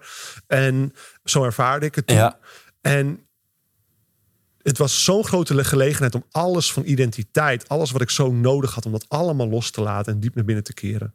En het was een gelegenheid tegelijkertijd om gewoon met mijn poot in de grond te staan en te doen wat van me werd gevraagd. ja. En toen leerde ik, leiderschap is in zo'n groot, is zo'n groot gedeelte van leiderschap, is gewoon doen wat van je wordt gevraagd. Doen wat voor je ligt. Ja. Ook al is dat zwaar, ook al is het confronterend, ook al vind je het niet leuk, ook al wil je het ontvluchten, ook al wil je iets anders, doe wat voor je ligt. En ga dat gewoon doen. Ja. Zet je schouders eronder. Maak je rug recht. Zit trots. In de ceremonie ga ik altijd rond bij mensen. Geef ik ze één op één healings. En het eerste wat ik doe, tst, kom nou eens trots zitten. Schouders naar achteren, borst omhoog. Laat me je zien. ja. En dat was wat, wat het voor mij moest gaan doen. Dus ik, kreeg, ik ging simpelweg superfoodies doen. Ik ging het simpelweg aandacht daaraan besteden. In plaats van 300 dingen tegelijk te willen doen. In plaats van te denken, ik moet de wereld redden. Ik moet goede dingen doen, et cetera. Gewoon, en het was ook een goed ding uiteraard. Het is een prachtig bedrijf. Aandacht voor wat nodig is. En eh, als, daar, als gevolg daarvan kon ik Arwin uitkopen. En toen ik Arwin had uitgekocht, het eerste jaar, wat vorig jaar was, 2020. Toen begonnen mensen die ik eigenlijk helemaal niet zo lang kende, eh, nog niet zo lang kende, die begonnen tegen mij te zeggen: Hey Jesse, hoe zit het met je droom? Ja, want daar zit zit ik nu middenin. Hoe zit het met die... eh, hoe, Exact, hoe is die financiering exact. Afgelopen? even rustig aan het Oké, opbouwen. ja, sorry. En toen begon ik me te beseffen: dank je wel voor het in leven houden van die droom. Dank je wel voor mij te herinneren aan dat dit mijn droom is, terwijl ik hem zelf bijna was vergeten. Dank je wel, universum. Zoveel perfectie. En toen ineens, plotseling, nu ondertussen een half jaar geleden, terwijl ik er niet echt naar op zoek was, kwam ik een prachtig landgoed tegen in Drenthe. Maar dan ben je even één detail vergeten. Want het, het is dus uiteindelijk niet doorgegaan. Dat, Dat oorspronkelijke ding van 2,5 Ja, miljoen. Dat huis is niet doorgegaan. Toen op dat moment heb ik natuurlijk die financiering niet rondgekregen. Oké, en dat was ja. me goed ook. Ja. En kon ik echt vol op superfoodies gaan focussen. Precies. En heb ik gewoon van mijn koopakte kunnen afkomen. Maar niemand is jouw droom vergeten. En af en toe Exact. herinneren mensen jou nog aan... Hey Jesse, hoe gaat het met je droom? Exact, dankjewel voor me te helpen dit logisch te maken. Ja, En ehm, exact. Ja, dus toen een half jaar geleden, toen kwam het, toen kwam het op mijn pad. De nieuwe droom. Het nieuwe landgoed. En het is er nu. Ja, 12 hectare grond in Drenthe. Prachtige plek. Heel rustig in ontwikkeling. Ja. Neem het eerste jaar om de plek te leren kennen. En het, eh, ja, rustig. je, je hebt gewoon een soort van je eigen... Ja, soort van, je hebt gewoon je eigen bos. Ja, het is eigen bos, eigen landgoed is het echt. Ja. Ja, ja. een paar weilanden. En, vooral En, en drie hectare is voor mietjes. Want hoe, hoeveel hectare is dit? 12. Ja. 12. Ja, ja, ja. We hebben, we hebben, we zijn, ik ben als langs geweest. We hebben een eh, half uurtje gewandeld over je, over je eigen terrein. Zeker. Ja, ja, Ja, echt zeker. bizar. Ja, zeker. Ja. Ja. Ja. Ja. En toen stroomden de gekke ideeën van de helikopters en eh, weet ik veel wat voor dingen we er Ja. allemaal doen. Ja, van, eh, van, van, van eh, diepe spirituele ceremonies tot aan helikopters en technofeesten. Alle ideeën kwamen voorbij. ja, je kunt het er allemaal doen. Ja, Ja, het is mooi. Het is Echt echt, vet, een groot nieuw begin. En ehm, ja, ik hoop dat je uit het verhaal hoort. Weet je, doe gewoon wat je wordt ingegeven. En denk groots en ga gewoon. ja. Stap uit die oude verhalen. Gooi ze in het vuur. Gooi echt je verhalen in het vuur. Schrijf je verhalen uit. ja. En ga als een adelaar over je leven vliegen. Ga eerlijk observeren. Schrijf je verhaal uit. En zeg heel bewust: dit is wat ik laat gaan. ja. En, en maak echt enorme ruimte voor je nieuwe creatie. Ja. Ehm, En laat ik dan ook maar even op de stip gaan liggen. En ehm, ja, een soort van andere kant belichten. Als in, het klinkt soms zo makkelijk als mensen nu deze podcast luisteren. Oh ja, Jesse had een mooi inzicht met zijn trommeltje. En hoe gooit in het vuur. En zo. Weet je wel, en ik heb wel vaker eh, dingen gehoord van ja, tijdens een ceremonie. Ik heb mijn ego in het vuur gegooid. En, ja. Ja, ik zelf heb best wel wat dingetjes van ik denk, ah, ik wil hier van af. En ik heb best wat ceremonies en dingen gedaan. En, en, en het, het lukt nog niet. Dus ik merk, ja, fuck. yo, eh, weet je wel. Dus, het, dus ook, ook als troost naar jou als luisteraar, als je dat ook merkt. Het is niet zo dat als je het soort verhalen hoort van, oh, ik, ik ben niet goed, want het lukt Jesse wel en het lukt mij niet om. We hebben het over Met wat vijf voor jaar tool dan periode. ook. Hè? Ja. Dit begon allemaal in 2016, het hele Ja. pad van heling. Hè? Ja. Het is vijf jaar periode. Dus inderdaad, geef jezelf tijd. Ja. En wees niet streng voor jezelf. En als je zegt van ja, het lukt nog niet. Vraag jezelf dan af, waar hou ik toch nog te veel aan vast? Wat Ja. is het in mij waar ik nog aan vasthoud? Ja. Geeft het me nog veiligheid? Geeft het me nog zekerheid? Wat vind ik nog spannend om los te laten? Ja. Want blijkbaar is er onbewust iets waar je toch nog een beetje aan vasthoudt. Is er wel een mentale wil om iets los te laten, maar is er ergens nog een onbewuste angst? Ja. En dat zul je toch eerst moeten aankijken. Ja, en dan aankijken. toch eventjes de hoe, want daar houden we van. Wat is dan, als, je, als dit bij jou resoneert als luisteraar...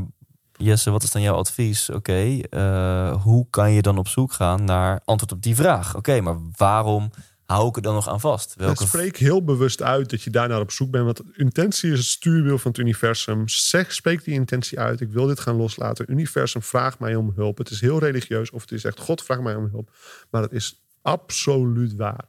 En spreek dat uit. Alleen al als je misschien Dus ik heb totaal niet in gelooft, als je de grote, grootste atheïst bent, dan alleen al het, het, het, het, het eh, vermogen van ons onderbewustzijn om die antwoorden Ja. te geven, gaat je die ja, antwoorden geven. hè, dus misschien is het allemaal niet waar, al die spirituele dingen, maar dan, dan spreek je het uit naar jezelf. Exact. eigen, maar spreek uit naar Exact. het, het, het, het heelal, Geheel. het geheel. eh, ehm, ja, ik heb de intentie om het los te laten Ja. en ik wil En help mij daarbij. En, en help me. Help me en ik wil daarbij. erachter komen wat maakt Ja. dat ik hier nu nog aan en doe vasthoud. vervolgens je werk.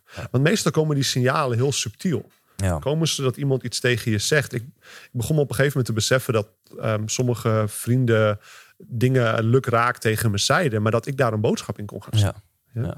Dus, en, dus kijk naar de subtiele signalen. Kijk wat er op je pad dan vervolgens gebeurt. En ga gewoon eens een dag in je eentje in het bos zitten. Ja, ja ga dat maar eens doen. Ga maar gewoon Bijvoorbeeld in Gasselten.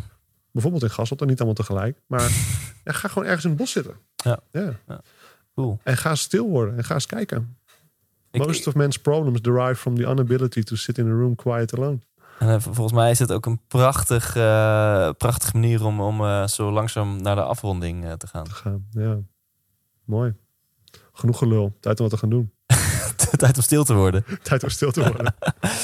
Ja, hebben we toch maar weer mooi gedaan. ja, vond je het leuk? Ik vond het heel leuk. Nee, absoluut. Ik vond, het- ik vond het heel leuk. En ehm, hier hou ik van. Gewoon, eh, we hebben, voor de mensen die het niet weten, ja, Jess heb ik voor de tweede keer uitgenodigd. En we kwamen hier, ja, wat gaan we eigenlijk doen? Ja, en ehm, een beetje kletsen. misschien ook eh, weer de kracht van... ehm, het moment. En dit vanzelf kwamen tot de conclusie, we gaan het hebben over spiritualiteit en business. En eh, volgens mij hebben we dat gedaan. Ja. Ja. Mooi man. Thanks. Ja, en ehm, dit is dan een, een, een, soort van heel weird bruggetje. Maar wat je helemaal aan het begin kon horen, die, dat is gewoon... Als je green juice wil eh, hebben. Ja, als je green juice wil hebben. Dus we kunnen nu met een hele grote pitch komen van, van waarom gezondheid het allerbelangrijkste is. En green juice een super waardevol hulpmiddel, supplement is om eh, super Ja. gezond te zijn. Ja. Maar Maar dat, tegelijkertijd heb je green juice gewoon helemaal niet nodig. Je kunt ook gewoon meer groente eten. Maar ja, je hebt ook green juice nodig, want je eet de groente niet. precies. Dus wil je een soort van life hack naar... Het is gewoon de beste manier om meer Ja. energie te hebben in plaats van zoveel koffie te drinken. Want het is eigenlijk een energiedrank van Je haalt meer groente en fruit binnen. Je haalt een heel groot gedeelte van je voedingsstof in één keer binnen. Ja, vol- volgens mij moet je zo'n beetje... Voor de darmflora. Volgens mij, want, want eh, eh, bijvoorbeeld... eh, eh, God, heet dat? Boerenkool Ja. wordt een beetje gezien als iets wat echt mega gezond is. Ja. Maar je moet zo'n beetje drie diepvriespakken boerenkool Ja. wegkouwen... voordat je even voedingswaarde hebt als één shotje green als je juice. iedere dag green juice neemt, 10 gram per dag, voor een week lang, dan heb je ongeveer anderhalf kilo extra groente binnengekregen ongeveer. Ja. Qua voedingswaarde. Dat is ongeveer de richtlijn. En ik vind het epic. Ik heb mijn proefpakketje toegestuurd. Ik hoorde van andere influencers wel eens van... Nou, het is heel goed en gezond. En, eh, maar het is, het is niet, eh, niet weg te hakken. Ik vind het, ik vind het echt lekker Ja. ook gewoon. Ja. Voelt gewoon goed. Ja, dus sommige mensen vinden het echt heel goor en die drinken het gewoon omdat, eh, omdat het moet of omdat ze het graag willen hebben. En dat het goed is voor je. Ehm, andere mensen vinden het best wel goed te doen. Het, we doen natuurlijk ook niks aan de smaak. Hè. We- Het zit gewoon vol met groenten en zo. Dus we doen natuurlijk geen Ja. suiker in, allemaal rommel. Dus Even voor de duidelijkheid. Jij hebt een fabriek in Engeland. En die, die, die, zelf, die, ja. die perst gewoon allemaal boerenkool en selderij. En allemaal hele gezonde dingen samen tot een poedertje. Dat gebeurt elders. Hè. Dus het Oh. zijn ehm, andere leveranciers. Het is allemaal biologisch gecertificeerd. De fabriek is ook biologisch gecertificeerd. En ook vegan gecertificeerd. En andere kwaliteitscertificeringen. Het is een prachtig mooi klein team. Maar eh, ja, die groentes die worden inderdaad gejuiced. En dan worden ze daarna gedroogd tot poeder. En Ja. eh, op een redelijk lage temperatuur. Ja. En wij mengen dat dan vervolgens in de fabriek. Ja. Ja, precies. En dat poeder, het is dus gewoon poeder. En dat meng je. Nou, je kan het echt lekker gaan maken met allemaal smoothie recepten en dingen. Ja. Ik heb het gewoon in een shakebeker met water. Ja. en eh, ik, vind, eh, ik vind het super Ja, als je lekker. het echt niet lekker vindt, doe je een beetje sinaasappel erbij. Of een beetje appelsap. Of een beetje diksap erbij met water. Dan ja. drink je het zo. Ehm, en eh, zo'n pot, eh, die kun je kopen uiteraard voor Ja. geld. Ja. Eh, want met liefde en licht kan je helaas ook bij Jesse nog niet afrekenen. Helaas.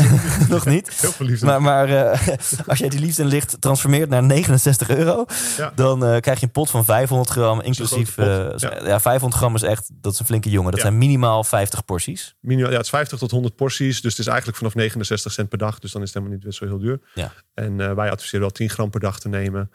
Ehm, dus dan doe je sowieso zo'n 50 dagen mee. En we doen dan nog een boek bij, 70 groene smoothies. 70 groene smoothie recepten. Van, eh, van 30 euro. Je krijgt ook nog een extra 7 pack green juice erbij. Dus met 7 zakjes van 10 gram om mee Ja, te nemen. Dus top. Zeker nu met de zomer, als je op vakantie gaat, kan je, eh, hoef je niet die hele Ja. 500 gram pot mee te Ja. nemen, maar gewoon eh zeven Exact. eendagszakjes. En we doen nog een extra boekje erbij van de Coffee Fried Challenge. Om een week lang in ieder geval één kop koffie per dag te gaan vervangen met green juice. En ook het online Coffee Challenge programma. Met het dan recepten in. Laten we zien wat je allemaal met green juice kan maken. Ja. ja. Tof, ja. Ik, ik vroeg net aan jou, kunnen we iets bijzonders doen voor de luisteraar? En toen kwam jij hiermee, want nou ja, zo'n pot green juice kost 69 euro. Ik vind korting een oninspirerende vorm van, eh, eh, van een actie. Dus la- Ja. ik heb liever in plaats van korting dat we gewoon iets heel vets van maken. Ja. Dus die 69 euro blijft 69 euro. Maar ja, jij, vervolgens knal jij er voor 75 euro aan, aan, aan bonussen bij. Dus nog even samengevat. En dus dat boek 70 groene smoothie recepten. Het waren van 30 euro. En nog 7 extra dagporties. Het waren van 15 euro. En nog eh, het boek Koffievrij Challenge. Plus het online programma Koffievrij Challenge. Het waren van 30 euro. Dus daar krijg je er allemaal gratis bij. Op thijslindhout.nl slash green. En die 69 euro is inclusief btw, inclusief verzendkosten. Dat ook nog Absoluut. eens. Uiteraard. Ja. Tof. En, en, en eh, hoe snel hebben we dat dan binnen? Als je dat... eh, Voor 9 uur besteld, volgende dag in huis. Niet normaal. Het is ongelooflijk. Niet normaal. Heel tof. Eh, ehm, ik ben zo gewoon gebleven dat ik zelf even op de outro-knop moet drukken. Maar ik vind het altijd leuk dat, dat de, de gast, voordat ik die outro-jingle instart, de camera pakt. Dat is Ja. die. En, en ja, dan mag jij hem af gaan ronden. Dus heb je nog een paar wijze woorden om de, de luisteraar of luisterares. Ja, super bedankt voor het kijken. Ik, het is super makkelijk eigenlijk. En, en daarin is het zoveel moeilijker. Namelijk, leef je leven gewoon door naar binnen te kijken. Door heel eerlijk te zijn over dat wat er speelt. Je hebt niks nodig. En je hebt geen yoga nodig. Je hoeft niet naar die pizza te gaan. Je hoeft niet een plantmedicijnceremonie te doen. Je, je hebt dat allemaal niet nodig. Je, je- het enige wat je echt nodig hebt is stil te worden. Naar jezelf te kijken. Te omarmen wat er is. En je adem te vinden.